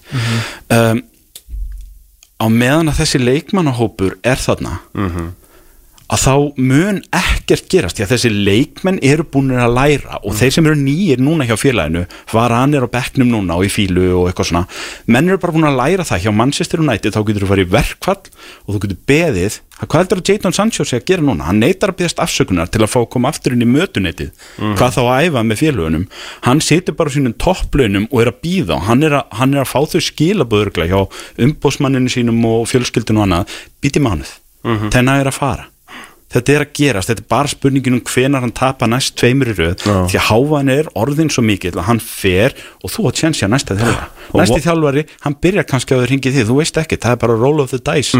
Þannig að þú ert ekkert búinn hjá Manchester United en þú þarft ekki að taka neitt til hjá sjálfur. Nei, nei. þú þarft ekkert eitthvað að líta í einn barm og ákveða að mæta betur á æfingar eða fara að beða stafsökunni að gera neitt. Þú getur bara beðið núna og sagt kannski kemur næsti maðurinn og ringir mig. Og Whatsapp-grúpan með ennsku leikmannum með Jason það er við, og þetta við er það sem, ég er búin að segja þetta áður. þetta er það sem að menn eru búin að læra hjá Manchester United. Þetta er það sem var að hjá Arsenal. Þanga til að Edu tók við sem yfirmaður knaspunumála og hann reði mikilart þetta og þeir fóru, að, það er skýrast í samanbyrðin, er Arsenal að því að hjá Arsenal að þá bara tekin ákvörun, það er sama hvað það kostar við viljum þessa menn út. Og ef við ætlum að fá Arteta hérna inn að þá ætlum við að lofa honum því að hann verður ekki handjarnaður við opnin með því að þurfa að vinna með menn sem vilja ekki vinna eftir honum og eru bara að býja eftir næsta af því að hann er óþægilur og hvað sem þið getur sagt um Ten Hag hann- við erum hérna í mánuði 15 eða eitthvað hans stjórntíð og ég er ekki ennþá eins og margir að sjá neitt ákveðin fótboltastíl sem hann vil nota. Og ég skil ekki sumar leikmanna uppstilling eða liðsuppstillingarnar hjá honum og hvernig hann velu leikmenn og, og það sumt að þessu verist vera rosalega grimt og rosalega stífur sko á það að ef þú stendur ekki að hortu farin en aðrir verið að skita staðið sér endalust illa og verið endalust vombriða pésar og í fíl og annað en samt fengi sensinn þannig að það er rosa margt þarna sem meikar ekki sens og það var mjög óvinsælt hvernig hann fór með DGA í sumar til dæmis. Það er bara eitt sem er að koma út núna. Það var óvinsælt innan hópsinsgarinnlega hvernig var komið fram við DGA það er ímislegt sem er þetta gaggrina en En haldið þið virkilega til Serbi eða Graham Potter eða Zidane eða hvað sem hann heitir komið hann inn og gerir allt rétt um leið og næsti maður kemur inn og tekur einu eða tvær óvinnsælar ákvarðanir mm. að þá eru menn bara farin í verkvall og það er búið að splitta klefanum og menn eru bara farin að býja eftir næsta manni. Og á, þú veist, Arsenal fór bara í þessu ákvörðin, þetta bara kostaði peningar einhverju Kolasinac og hérna og, og, og Aubameyang og hvað er heita allir. Við Þetta viljum bara það tók á þrjú Við fjóra glugga. Þeir, þeir skilu tapi glugga eftir glugga einhverja fjóra eða fimm glugga. Þeir eru að lána og gefa þessa menn stundum af að það en þeir bara út með þessa menn Arteta ætlar að halda þessum listaðarleikmunum og svo ætlum við að byggja upp nákvæmlega eftir hans sín og stefna á fótboltan þennan leikmannhóp og hvar eru Arsenal núna? Heldur að einhver hjá Arsenal sjá eftir þessum peningum sem að fóru í að gefa þessa leikmenn í burtu fyrir þreymur ára? Í janúar 22 Þetta er loksins orðin William. Kolasinac, Callum Chambers Aubameyang þú veist bara svona til dæmis hver, hver gluggi á bara fjóri, fimm svona sem var bara svona nánast ítt út og svo skellt í lás á eftir bara verið úti, mér er samankvært farið. Ég skal borga fyrir leigubílinn hvert sem hún ferð. En það kostar okkur pening en við viljum bara aðladrið að við viljum losna þig. Já. og það er í alvörunni hjá United það eru svona tíu svona leikmenn hjá United í dag sem að þarf bara íta út fyrir dittnar, læsa og segja senda okkur reikningi þegar þú ert komin á áfangasta við borgum hann, hafðu engar ágjur við viljum bara losna við þig það er alveg sama hvað hann heitir. Harry Maguire er til dæmis örgulega fyrirtaks atvinnumæður í fótbolta sem er að gera sitt besta og hann er, veist, hann er að reyna allt sem hann getur. Ég myndi aldrei sitja hérna og saga hann, en hann virðist vera einn af þessum fílupésum sem er bara búin að læra það að þú getur splittað klefanum og þú getur farið í eitthvað uppriskik þjálfarnum manna og þú veist hverju það skilar. Þú ert enn þegar mannst United, það er einhvern annar að þjálfa liðum jólin, mm -hmm. ten hag og það er bara það sem er að gerast hjá þessu liði. Það er bara einhver tíu manna listi eða jafnvel tólf manna listi yfir leikmenn sem þurfa bara að hýpja sig. Og það verður bara að kosta klubbin það sem það kostar. Það mun ekki vera jafn dýrt fyrir klubbin eins og ein Antoni kaup Guðminn almáttur ef við ætlum að tala um að, ætlum að, tala um að kveiki peningum sko. að, það, það, veist, en, en- en ekki, ekki ekki það sem þú ert að segja núna gerist nema að komi inn yfir Arsenal. Á meðan að þessi hlutir breytast ekki fyrir utan æfingarsæðið og völlin þá skiptir engum máli hvort þjálfarinn heitir Erik Ten Hag eða Zidane eða De Serbi eða Potter eða you name it. Þú, Það þú sér bara máli. öll liðin sem er að gera vel. Þú ert með hérna hver er hjá Tottenham núna sem yfir maður knöspunni Já, bara stólu um en þeir eru allan með flottan gæði því Nei, hann, það er, Já, nei, það hann er DOF sko, fyrirtæki. náttúrulega þú að lifa skipt svolítið mikið Þú ert Já. með Edu, þú ert með Begir Stána ekki, þú ert með, ég reynda veit ekki akkur Fór nú til dæmis allt í skrúuna eins mikið og hægt var að fara í skrúun hjá Liverpool um leið og Edvards lappaði út. Skilur við bara til, það kom bara svona sínikenslu ár hjá um Já. leið og Edvards fór bara. Þegar þessi hlutur ekki hreinu Já. þá fara hlutin í skrúna Mm. þó svo sér með Jörgen Klopp og þennan legendary leikmannhóp og allt saman og þá fer þetta í skrúna ef þú ert ekki með skýra sín fyrir utan möllin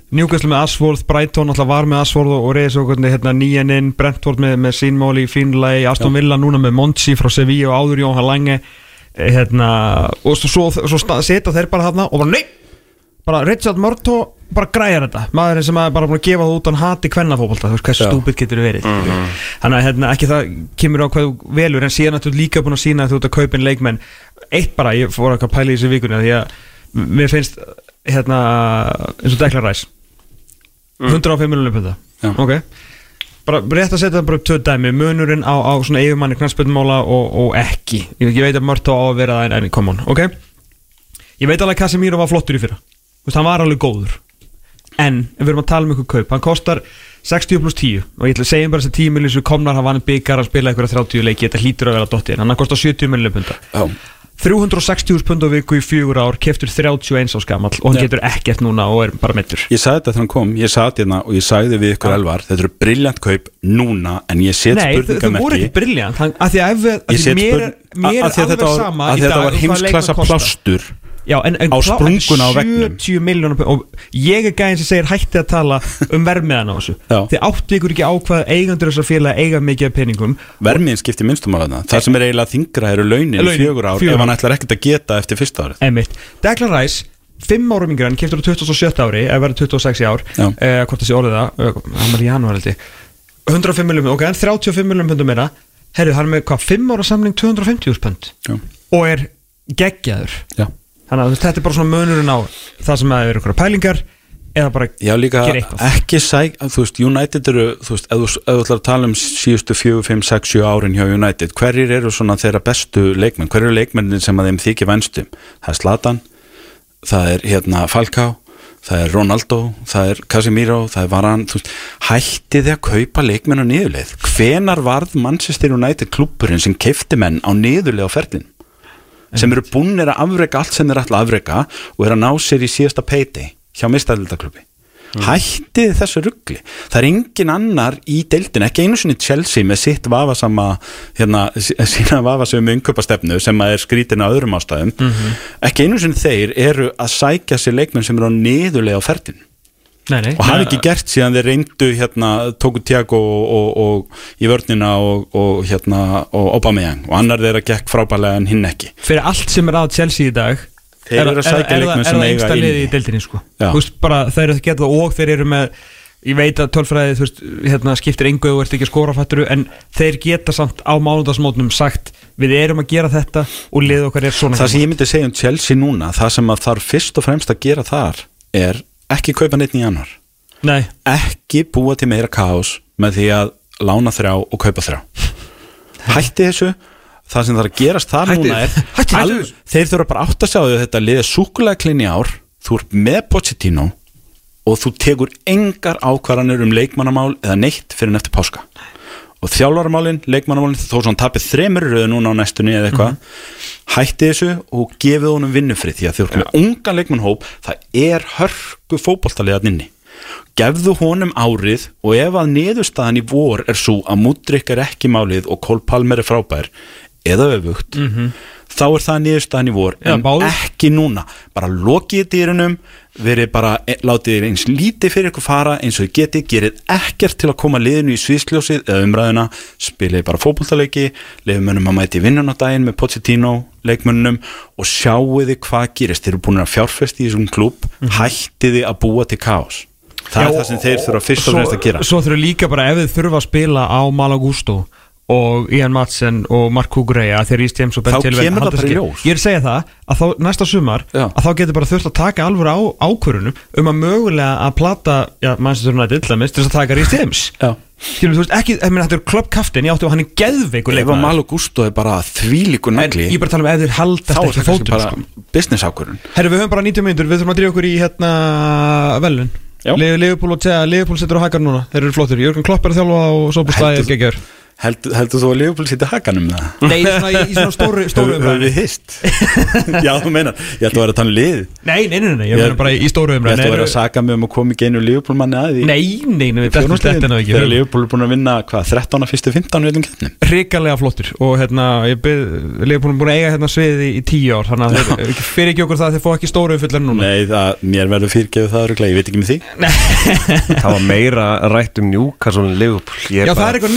þeir ekki ekki vanið í að ég síðan ég ætla að þurrka tánu Newcastle og Tottenham, þetta er eiginlega búin að vera ein, einstakt hringur. Hvaða rugg ég ætla að þú sagði að þú getur auðvitað að giska á þetta en ég var ekki nógu undirbúin en í markinu er hérna er G- Guli Elmo Vicario. Google Elmo Guli Elmo. Hinn eini sanni, Já. þýl kaup. Geggjaður. Þe, Það hugsa allir á sama þegar hann komið sumar. Ha, Hver? Ykkur hákon frá En Grenvík þarna, þarna var ans búin að segja með vantar reaksjón markvörð sem er fljótur og getur sendt því að hann þurfa að verja mikið að döðafærum og hann þurfa að geta sendt Þannig að hann sótti Onana. Nei, býtu Emmitt Emmitt Hann sótti Vicario og Vicario bara Ólana er samt svona það er samt aðeins eitthvað að brugast þar hann er búin að vera að færa velum fyrir skjásti Hann. Var í leikmaður. vídeo um daginn. Það er oft vissnungu fyrir bara sjálfströsti á er- Hefur mikið tíma í þetta, hæri bakurur. Nei, ég spila 3-4-3 Já. Ég var nefnilega í vandræðum og ég á- Sæll Antonio Conte. Ég, ég, að segja mér að Destiny og Doki sé ekki í þessu liði? Nei, sko, ég breytti, ég breytti liðin í hamra aðeins. Þetta er ekki liðin sem ég myndi stilla upp ef ég ætlaði mér að vinna fótballtaleik en þetta er samt reynda geggja lið. Já. en það er þeim annmörkum háða það eru þrýr vinstri fótamenn í vörninni. Og ég er ekki með neitt hæri bakur Vá, af því áttu ég, fallharastæði? ég varð að hafa fjóra miðmenn sko og, hérna, og það finna við þetta er að, að allir nema frammeirarnir sem allir geta gíska á eru nýr leikmenn hjá sínu liðum í ár. Allir eru nýjir, ok, í vörðinni eru þá er ég með þrá í vörninni og það er, Er Saliba ekki í vörðinni? nei, hann er Já. á bekknum Ok, ok, Mikki fandi veginn auglustlega Sko, Josko Guardial er Vinstri bakurinn Já, ég er, ég, eins og ég sagði, ég fer ó, hérna, ótrúna slóður þetta Ég sagði þér ég væri með þrjá vinstir rótum Ok, ok, Ok. Josko og, og, og Mikki Fandi Venn og Destiny Udogi Já, takk. Þetta er þryggja manna vörni mín. Mér finnst, þeir eru bara Spila til vinstri. Allir, finna. Já, og svo skipta mér hratt yfir á Mósala herru, á miðjunni Sko, ég gat bara ekki gengið fram í á neinum á miðjunni. Ég var eitthvað að spáði, hvert er að geta er tekið út. er þetta tígull eða? Þetta er tíullin, sko. Það er engin tígull Já, jú, svo náttúrulega er ég með frammeirina Ok, byrjum á Rodri. kantana. Byrjum á tíklinum, aftast situr á sjálfsögðu Declan Rice og stýrir umferðinni. Ok. Og hérna, og ég held þetta sé í fyrsta sínu svona fimm ringpólum eitthvað sem ég vel Rodri ekki þarna. Nánast sko Já, að- en það. Já, en það er bara líka því að Declan Rice er bara geggjar í fólkta og, og hann komin í stórlið og, og, einn af þessum gæðin sem að maður sér strax bara, já ok, hann, hann er hann er hérna ekkert eitthvað lítill fiskur í stóri tjött made hann, for er- this. hann er kvalur í þessari tjött sko, bara made for this.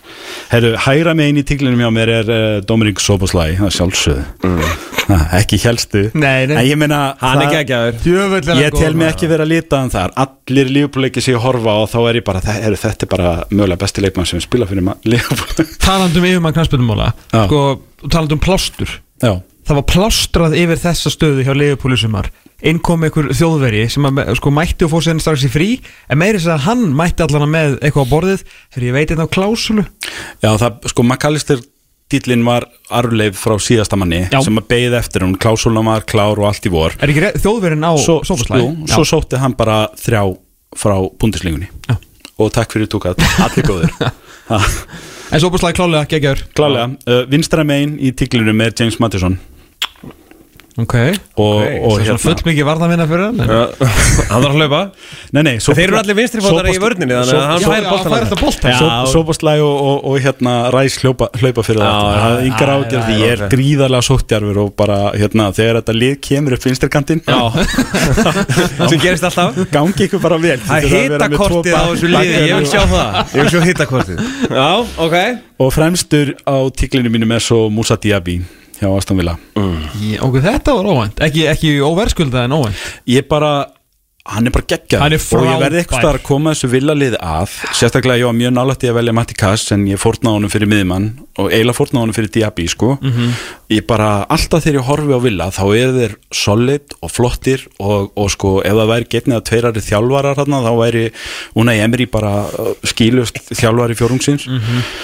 og Diaby bara einhvern veginn virkar geggjaður. Alveg sama hvar hann spilar. Hann er svona, virðist vera svona wildcard hjá honum fyrir aftan Oli Watkins og hérna og hann er bara hættulegur hvað sem hann kemur hann vil geta að spila báða kantana og oft þarna upp miðjuna mjög Ótrúlega tækni líka þeir spila svolítið svolítið direkt oft sko. Já. og fær hann svona langar sendingar og hann drepur þetta niður og tíkallin Það var mjög fyndið að hérna, all þessi lofræða þá uh, var Antoni fekk boltan í góðri stöðu og uh, meðan ég hlustaði á þetta þá tók hann uh, tvö skæri.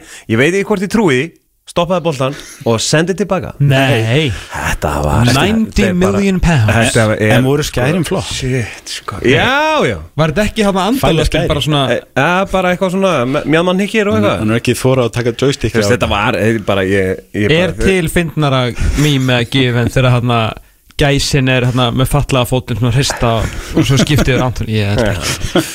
Herru, já, Já, er, þetta er þannig að þetta er tíulmiðan Já, ok. frammi eru svo bara þú veist, oft finnst mér gaman að vera ódreiknalegur í fyrsta ringbóri sérstaklega. Já. en það er ekki tækt. Þessi, þessi þrý bjóða upp á neitt annað. Þannig að Sala, þú Son með og Holland og sigur megin við hann Son og, og Sala. Já. þetta eru bara Ég myndi þrír bestu treysta- mennirnir by a distance í þessari deild í dag. Já, ég myndi treysta þessu liði fyrir uh, svona þ- vinna leikina 3 til 5-1 Já. fá kannski eitt mark á sig öfum mig Svo, svo, my- svo myndir kannski, kannski fórna Diaby fyrir Matti Kass eða Kieran Trippier Mm. í, upp á jafnvægið í vörninni þegar Já. út að spila á Bernabá Og hverjir eru en þeir út út að fara að heimsækja þeir út að fara að heimsækja húl eða eitthvað sko þá vinnur þetta liði alltaf 6 múl Þeir pirraðir leikmenn eru, eru Kieran Trippier Já, já, Það eru kóngurinn. Matti Kass ég það var með varamannabæk bara menn þetta er svo nálægt Ok. ég hendi Alisson inn hann er búin að gegja þér en, hann á ekkert að vera uh, Saliba, Matti Kass Rodri, Bukayo Saka Já. sem að er bara þeirri bölvun gættur að spila sömu stöðum og Sala Já, já. því miður, því að Saka ætti í alveg að vera þarna bara í hverjum fjórun 5-3 Hann er núna eitthvað. sko. En alltaf þegar ég reyna að skoða og er bara eitthvað, kom með að Saka þá horfi ég á tölfræðinu bara, eitthvað, nei, veistu, Sala er búin að skora helmingi meira, leggja helmingi já. því miður kæðin um, MBUMO sem minnst á að stíði vel upp hjá Brentford Já. í fjárur Já. Ivan Tóni maður hafði ágjör af mörkunum hjá þeim en hann, hann er að flott tímabil. Mhm. og Oli Watkins. Ekki trippjör, en hann kemst trippjör ekki á bekki Nei, sko Kass er eiginlega fyrir framann í þetta sinn. Ég er líka búin að vera svo hrifun að trippja undanfærið Trippier er bara, þú veist, með flest færi sköpu og stóðsum hann er eins og Rodri, hann er sultu slagur hann veit að hann er að inni næst, skilur ég er að segja ykkur að það er 1-0 sko. Nei, þau klúðraði Björgun Viljan að stíðum að leggja mark fyrir fúlan Herru, vom, besti leikmaður fjórðungs? James Madison, Klálega byggt, uh, byggt einfallega á því að horfa á hann spila fótbolta. Byggt á auganu. Ætest. Ætest og að því nenni ekki að segja Holland, það er leiðilegt Stjórin Ange. Big Ange, Big stjórinn. Ange. You can do whatever you want, en, mate. en svo var ég smá vandræði með vombriðin ég var með fjögum mál þar. Við erum svo sem búin að ræða tvöðum í þaula. Ég síðast þegar ég var hérna og svo í podcasti hlaðvarpi fókbalta.net hérna fyrir nokkrum vikum með Elvari og Gumma hjá fókbalta.net mm. hrættu við klukkutíma um hérna eftir Leopold Tottenhaleikin Dómgæslun og var. Hún er náttúrulega bara eina vombriðin tímabilsins. Þetta er ekki hægt. Nei. Og við skulum kannski ekkit fjölum það því við erum búin að gera það svo oft sko. Já, þetta já, bara já. það líður ekki helgi. Átti mjög áhugavert samtal þess að hér við fórsvarsmenn premjör líkum daginn þegar þeir komu í heimsókn og hérna á fundi og svo óformlegum fundi. Já ég, hérna, á þeirri hættu að það er náttúrulega þeir lesa allt sem er hérna sagt og náttúrulega ímislega sem skrifa sem maður segir en það voru það þannig að þeir eru ekkit alltaf svona það er ekkit sturlað mikil svona gleði á sambands þess að premjör lík og PGM og L. Nei, það gleymist oft sko þetta er bara eitthvað fyrirtæki út í bæ Já, sem já, er já, ráðið já. til að sjá um þetta fyrir þá Þeir hljóta geta bara sagt, heyrðu, við bara uh, riftum samningum og förum og tölum við, þú veist, Vodafone eða Síman eða eitthvað, sko. það hlýtur eitthvað annar að geta tekið þetta að sig fyrir okkur. Ég er bara að búa til nýtt fyrirtæki, gefa honum endar þess að penning svo byrja hann bara að rekrúta. Ég- Simon Marciniak, viltu sleppa yfir að dæma Bielistokk Legia Varsjó? Ég, ég held ekki áfram hjá landsbankanum ef engabankinu alltaf niðri, skilur, ég ringi Arjón Já, já. menn gera, menn, þetta getur ekki gengið svona endalust. Þannig að Herru, þeir eru eitt af fjórum vonbröðum Svo erum við búin að ræða náttúrulega um bara þessa United Já, já, hringekju já. Klárlega eina vonbröðunum Já. Ég ætla að leggja þetta í ykkar dóm af Því ég gæti ekki valið á milli Já. Ég ætla að færa rauk fyrir því að uh, Antoni Iraola hjá Bournemouth sé eina vonbröðum þessar tímpils er bara nobody cares Annars ég skil Já, ég veit að þetta er ekki stóru lið og annað en ég bara þegar O'Neill var rekinu sumar þá var ég einhvern veginn bara, veistu það, ég ætla bara, ég ætla bara að vera svolítið heitir Ég er líka bara því að Gary O'Neill mætti í úlfana sem voru hann hoppar, hættir. þeir voru hættir. þjálfarinn hætti það því að þeir get ekki gefið honum pening til leikmann að Svona 3. kaupa ágúst, bara herru Viljið þið draga okkur úr keppni, þú veist, lestir eitt klári að koma upp aftur. Viljið þið fara bara niður? Já. Þeir hefðu bara verið bara, uh, já, já, já.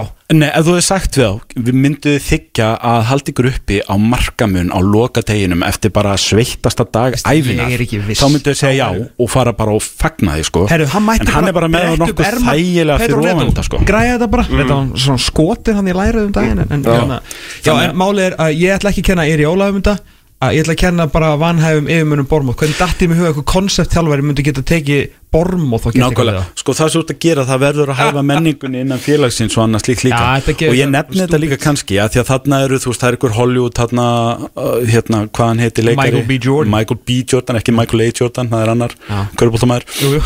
hérna, Michael B. Michael Jordan, einn af, einn af þeim og það sem gerist þegar koma frá Hollywood og hætti allir að gera þetta uh, svo vel, sko, að það farið í að sko, er ekki nóg stórt númer og þá að gera einhverja byltingu og eitthvað og þetta hefur bara farið allt í skrúuna og Bormóð þeir eru bara lélegir í fótbolta bara, og hann hlýtur bara að missa starfi fljótlega. Þetta bara, þetta bara einhvern veginn virkar ekki. Það var döðadæmt frá byrjun. Ekkert, sko ég er ekki einu svona að segja í róla síðan til að slæmi stjóri, þetta bara var eitthvað sem passaði ekki frá byrjun. Og hvenar ætlar Everton að kaupa Philip Billing? já, það er góð spurning. Ha? þegar hann var ódýr. Þegar hann hætti að fá lánaðan fyrst og Herri, ok, þetta er slagum út út á borðinu. Já, ég, ég nefni þetta sko að því að, Já, ég- að því að Birmingham voru með svo áhuga verða þjálfarráningum daginn þar sem þeir hent út manninu sem var komið með Birmingham í playoff sætin Já, og allt gott og var vinsætt og annað að þeir vildu frægari þjálfara og svo er Rúni búin að tapa hvað, fyrstu þremur? Og, og rapa niður, þannig að þú stundum að þá geta menn bara þælst fyrir sjálfum sem með að halda þessi sko stærri heldur en þeir eru. Þú veist að það var clean house á Las Vegas Raiders. Já, þú veist hvernig alltaf minority eigandi þar. Já, Tom Brady. Já, já, minority eigandi á Birmingham. Tom Brady og reikastjóra líka sko Þannig að hérna, en við, eh, við hérna Las Vegas Aces í WNBA já, Við erum champs. Já. Breyti á það líka sko. Þannig eitthvað gera hann rétt. Já, já, Já, hann hefur nú eitthvað gert rétt á ferlinu Jó, þetta er gengið Þannig að ágætlega við hjá gefum honum honum svo smá sem. séns, lefum honum að finna út úr þessu hjá Herru, hver ætlar að reyna að slá dómarinn eða United? uh, Slá dómarana United eða í Rjóla Ég er náttúrulega, við verðum að hafa Sandro Tonali þarna Nei, þú veist, who cares Er, er, er ekki, hvað, 50 miljón pundar leikmaður eða hvað hann kostaði sem að er farin í bann eftir tvo mánu liðið betra ánans? er, Eru það ekki eina vombriðum Nei. tímaflið sem synga til? Vombriði hvað er heimskur En, a, en af hverju, þú veist, hefur þú sagt það sama ef þetta væri, þú veist, hérna sóbóstlagi eða ef þetta væri Nei, ég er að segja að liðið er betra ánans hérna, eða ef þetta væri eitthvað sem var kiftið til City eða Arsenal, ef þetta væri Declan Rice Nei, þá, ég, þá skilji, en þú veist hann átti góðan leik í byrjun og eðlilega, Akkur ákur að vera sama, því að Núkaslu eru langt í norðurinu og þetta er Ítalið eða? nei, af því að liðið er Hvað segir Núkaslu maður? um þetta? Þetta hljóta að vera fáránlega vombriðið Já, sko, ég er Á náttúrulega sem maður afturgengt í liðið næsta sumar? Já, já, já, já. Er allt fyrirgefið að því að mann er góður í að sparka í bóta? Premier League. Já, já, já, við erum, eh, við bjóðum útbreytan faðminn fyrir, eh, við spörkum ekki í þá Æman Tóni er að fara frá Brighton sko. Brentford. Nei, Brentford segir Brighton. Þetta, þetta er eins og crossbánslit Já, Þetta er ekkert eitthvað von eða, Þú veist, það er náttúrulega vombrið að missa leikmann og hvað hann er stúpid, skilur já. En þú veist, á pari við dómarna og Þú veist, hérna United? Ekki bara stúpid, vantarlega bara fíkill. Það held ég að sé gríðarlega eftir áskýring til að fá vægari dóm. Er það? Já. Herru, hversu mikið Vá, hann var hengæðin sem skvílaði bara strax. Já. Það er ekki fara með honum í stríð. Hann fær ekki jólakort, það er alveg á hreinu sko. Á bara eitthvað, herru, varst þú að veðja? Fæ ég vægari Sandro dóm? Tonali var að veðja meira. Ég veit, ég veit, Hans bro. ég veit, ég veit að landslismann sem var að þessu líka Fæ ég vægari dóm? Því líka fipplið Vá maður. Sko, Þetta eh, var alveg ljósa sko. ég, hérna, ég trúði ekki að við varum að fá, hérna, uh, tonali til Já. njúklum Ég varst að bara, þú veist, okkur við erum ekki alveg komnið þangað, sko. Já. Þú veist, ég skil alveg að eitthvað svona Alexander Isak frá Real Sociedad og eitthvað, þú veist. Já, makes sense. Það var bara gott og eitthvað en við erum ekki, sko Newcastle er ekki komin á þann stað að geta keift eitthvað El Capitan frá Asi Milan sko. Nei. það komir óvart. sem þeir eru svo að spila við í mestarleitinni Já, þú veist, að, að, hérna, þetta komir óvart og hérna, ég var mjög spenntur uh, Hann er litið vel út, hann kann fótbolta. Já, já, bara hérna bara miklu betri en flest allir hana og eitthvað svona. En það hvað hann var samt skuldar mikið þegar hann kemur tilbaka. Ég veit það. Ha? En alltaf stóra leksíðan í þessu er Svona fer fyrir mönnum sem reyna að abbast upp á Sjón Langst- Longstaff Svo að það. Já, Sá svo maður, er hann, hann, hann þraukar, hann er alltaf í liðinu. og hann verður þarna þegar þeir vinna fyrsta titilinn Þá verður hann, all, hann verður á kantinu með svo, Hann, svona hann þeirra tekur vitali og fer svona að gráta eins Já. Tutan líka Blæðir spila vel maður. Já, Sá er flottur. Herru, ég hérna Og hver eru þá vambriðin? Ég- United, er, ekki United er orðið svo Þetta er orðið svo þreytt Já. Og þetta hefur henni bara áhrif á reyndar Þú veist, næst stærsta stundismannakjarðan hér heima Og, og eitt stærst í heiminum, jú, jú. Já, já, og þetta er góð bransi náttúrulega. Þegar United er í vandræðum þá er allir að selja blaðaeintök og, og, og frettir og smelli og allt Já, þetta er ekki gott fyrir rétt hafan, Kristján. Nei, þetta er slæmt fyrir hann. Við þurfum að að hafa sko, á En vell, hérna- í vellinum á morgun að því að eh, sko ég er náttúrulega er í mótmæli gegn vellinum að því að Já. þeir eru alltaf með Newcastle sko í, hérna. Nei, og þá er eru aðri leiki við ætlum að sjá hérna. við Það að skoða stóra Herru, þetta er að Já, vera ok, tíminn en er hérna, búinn það er, sko, e, nefnir að taka saman? Það er lækki mér? Að hérna Og hvað eru þá? Er það bara dómgæslan þá sem er Dómgja, hún hefur áhrif á allt, hún er búin að vera svo Hún er náttúrulega bara búin að hún er búin að vera er- er- yfirgengilega Nei, hún er líka bara búin svona, bara hérna svona vera deildinni smáti skammar. Já, Já, menn eru bara að tala um þeir svo hættir að nenn að horfa á annað, þú veist, þetta, Já, er bara, það þetta er er- búið að lita svo margt, maður hefði aldrei trúað því fyrir hvað fjórum-fimm árum þegar þetta byrjaði að við gætum verið á þessum stað á ári fimm eða eitthvað. þetta er fáran Það er alveg, þú veist Og áðan bara þessi rang þeir eru svo, svo stressaðir. Já, Já. vá, það var rosalegt. Hvað var um daginn? Fimm mínútur, lengsta var í sögu var. Já.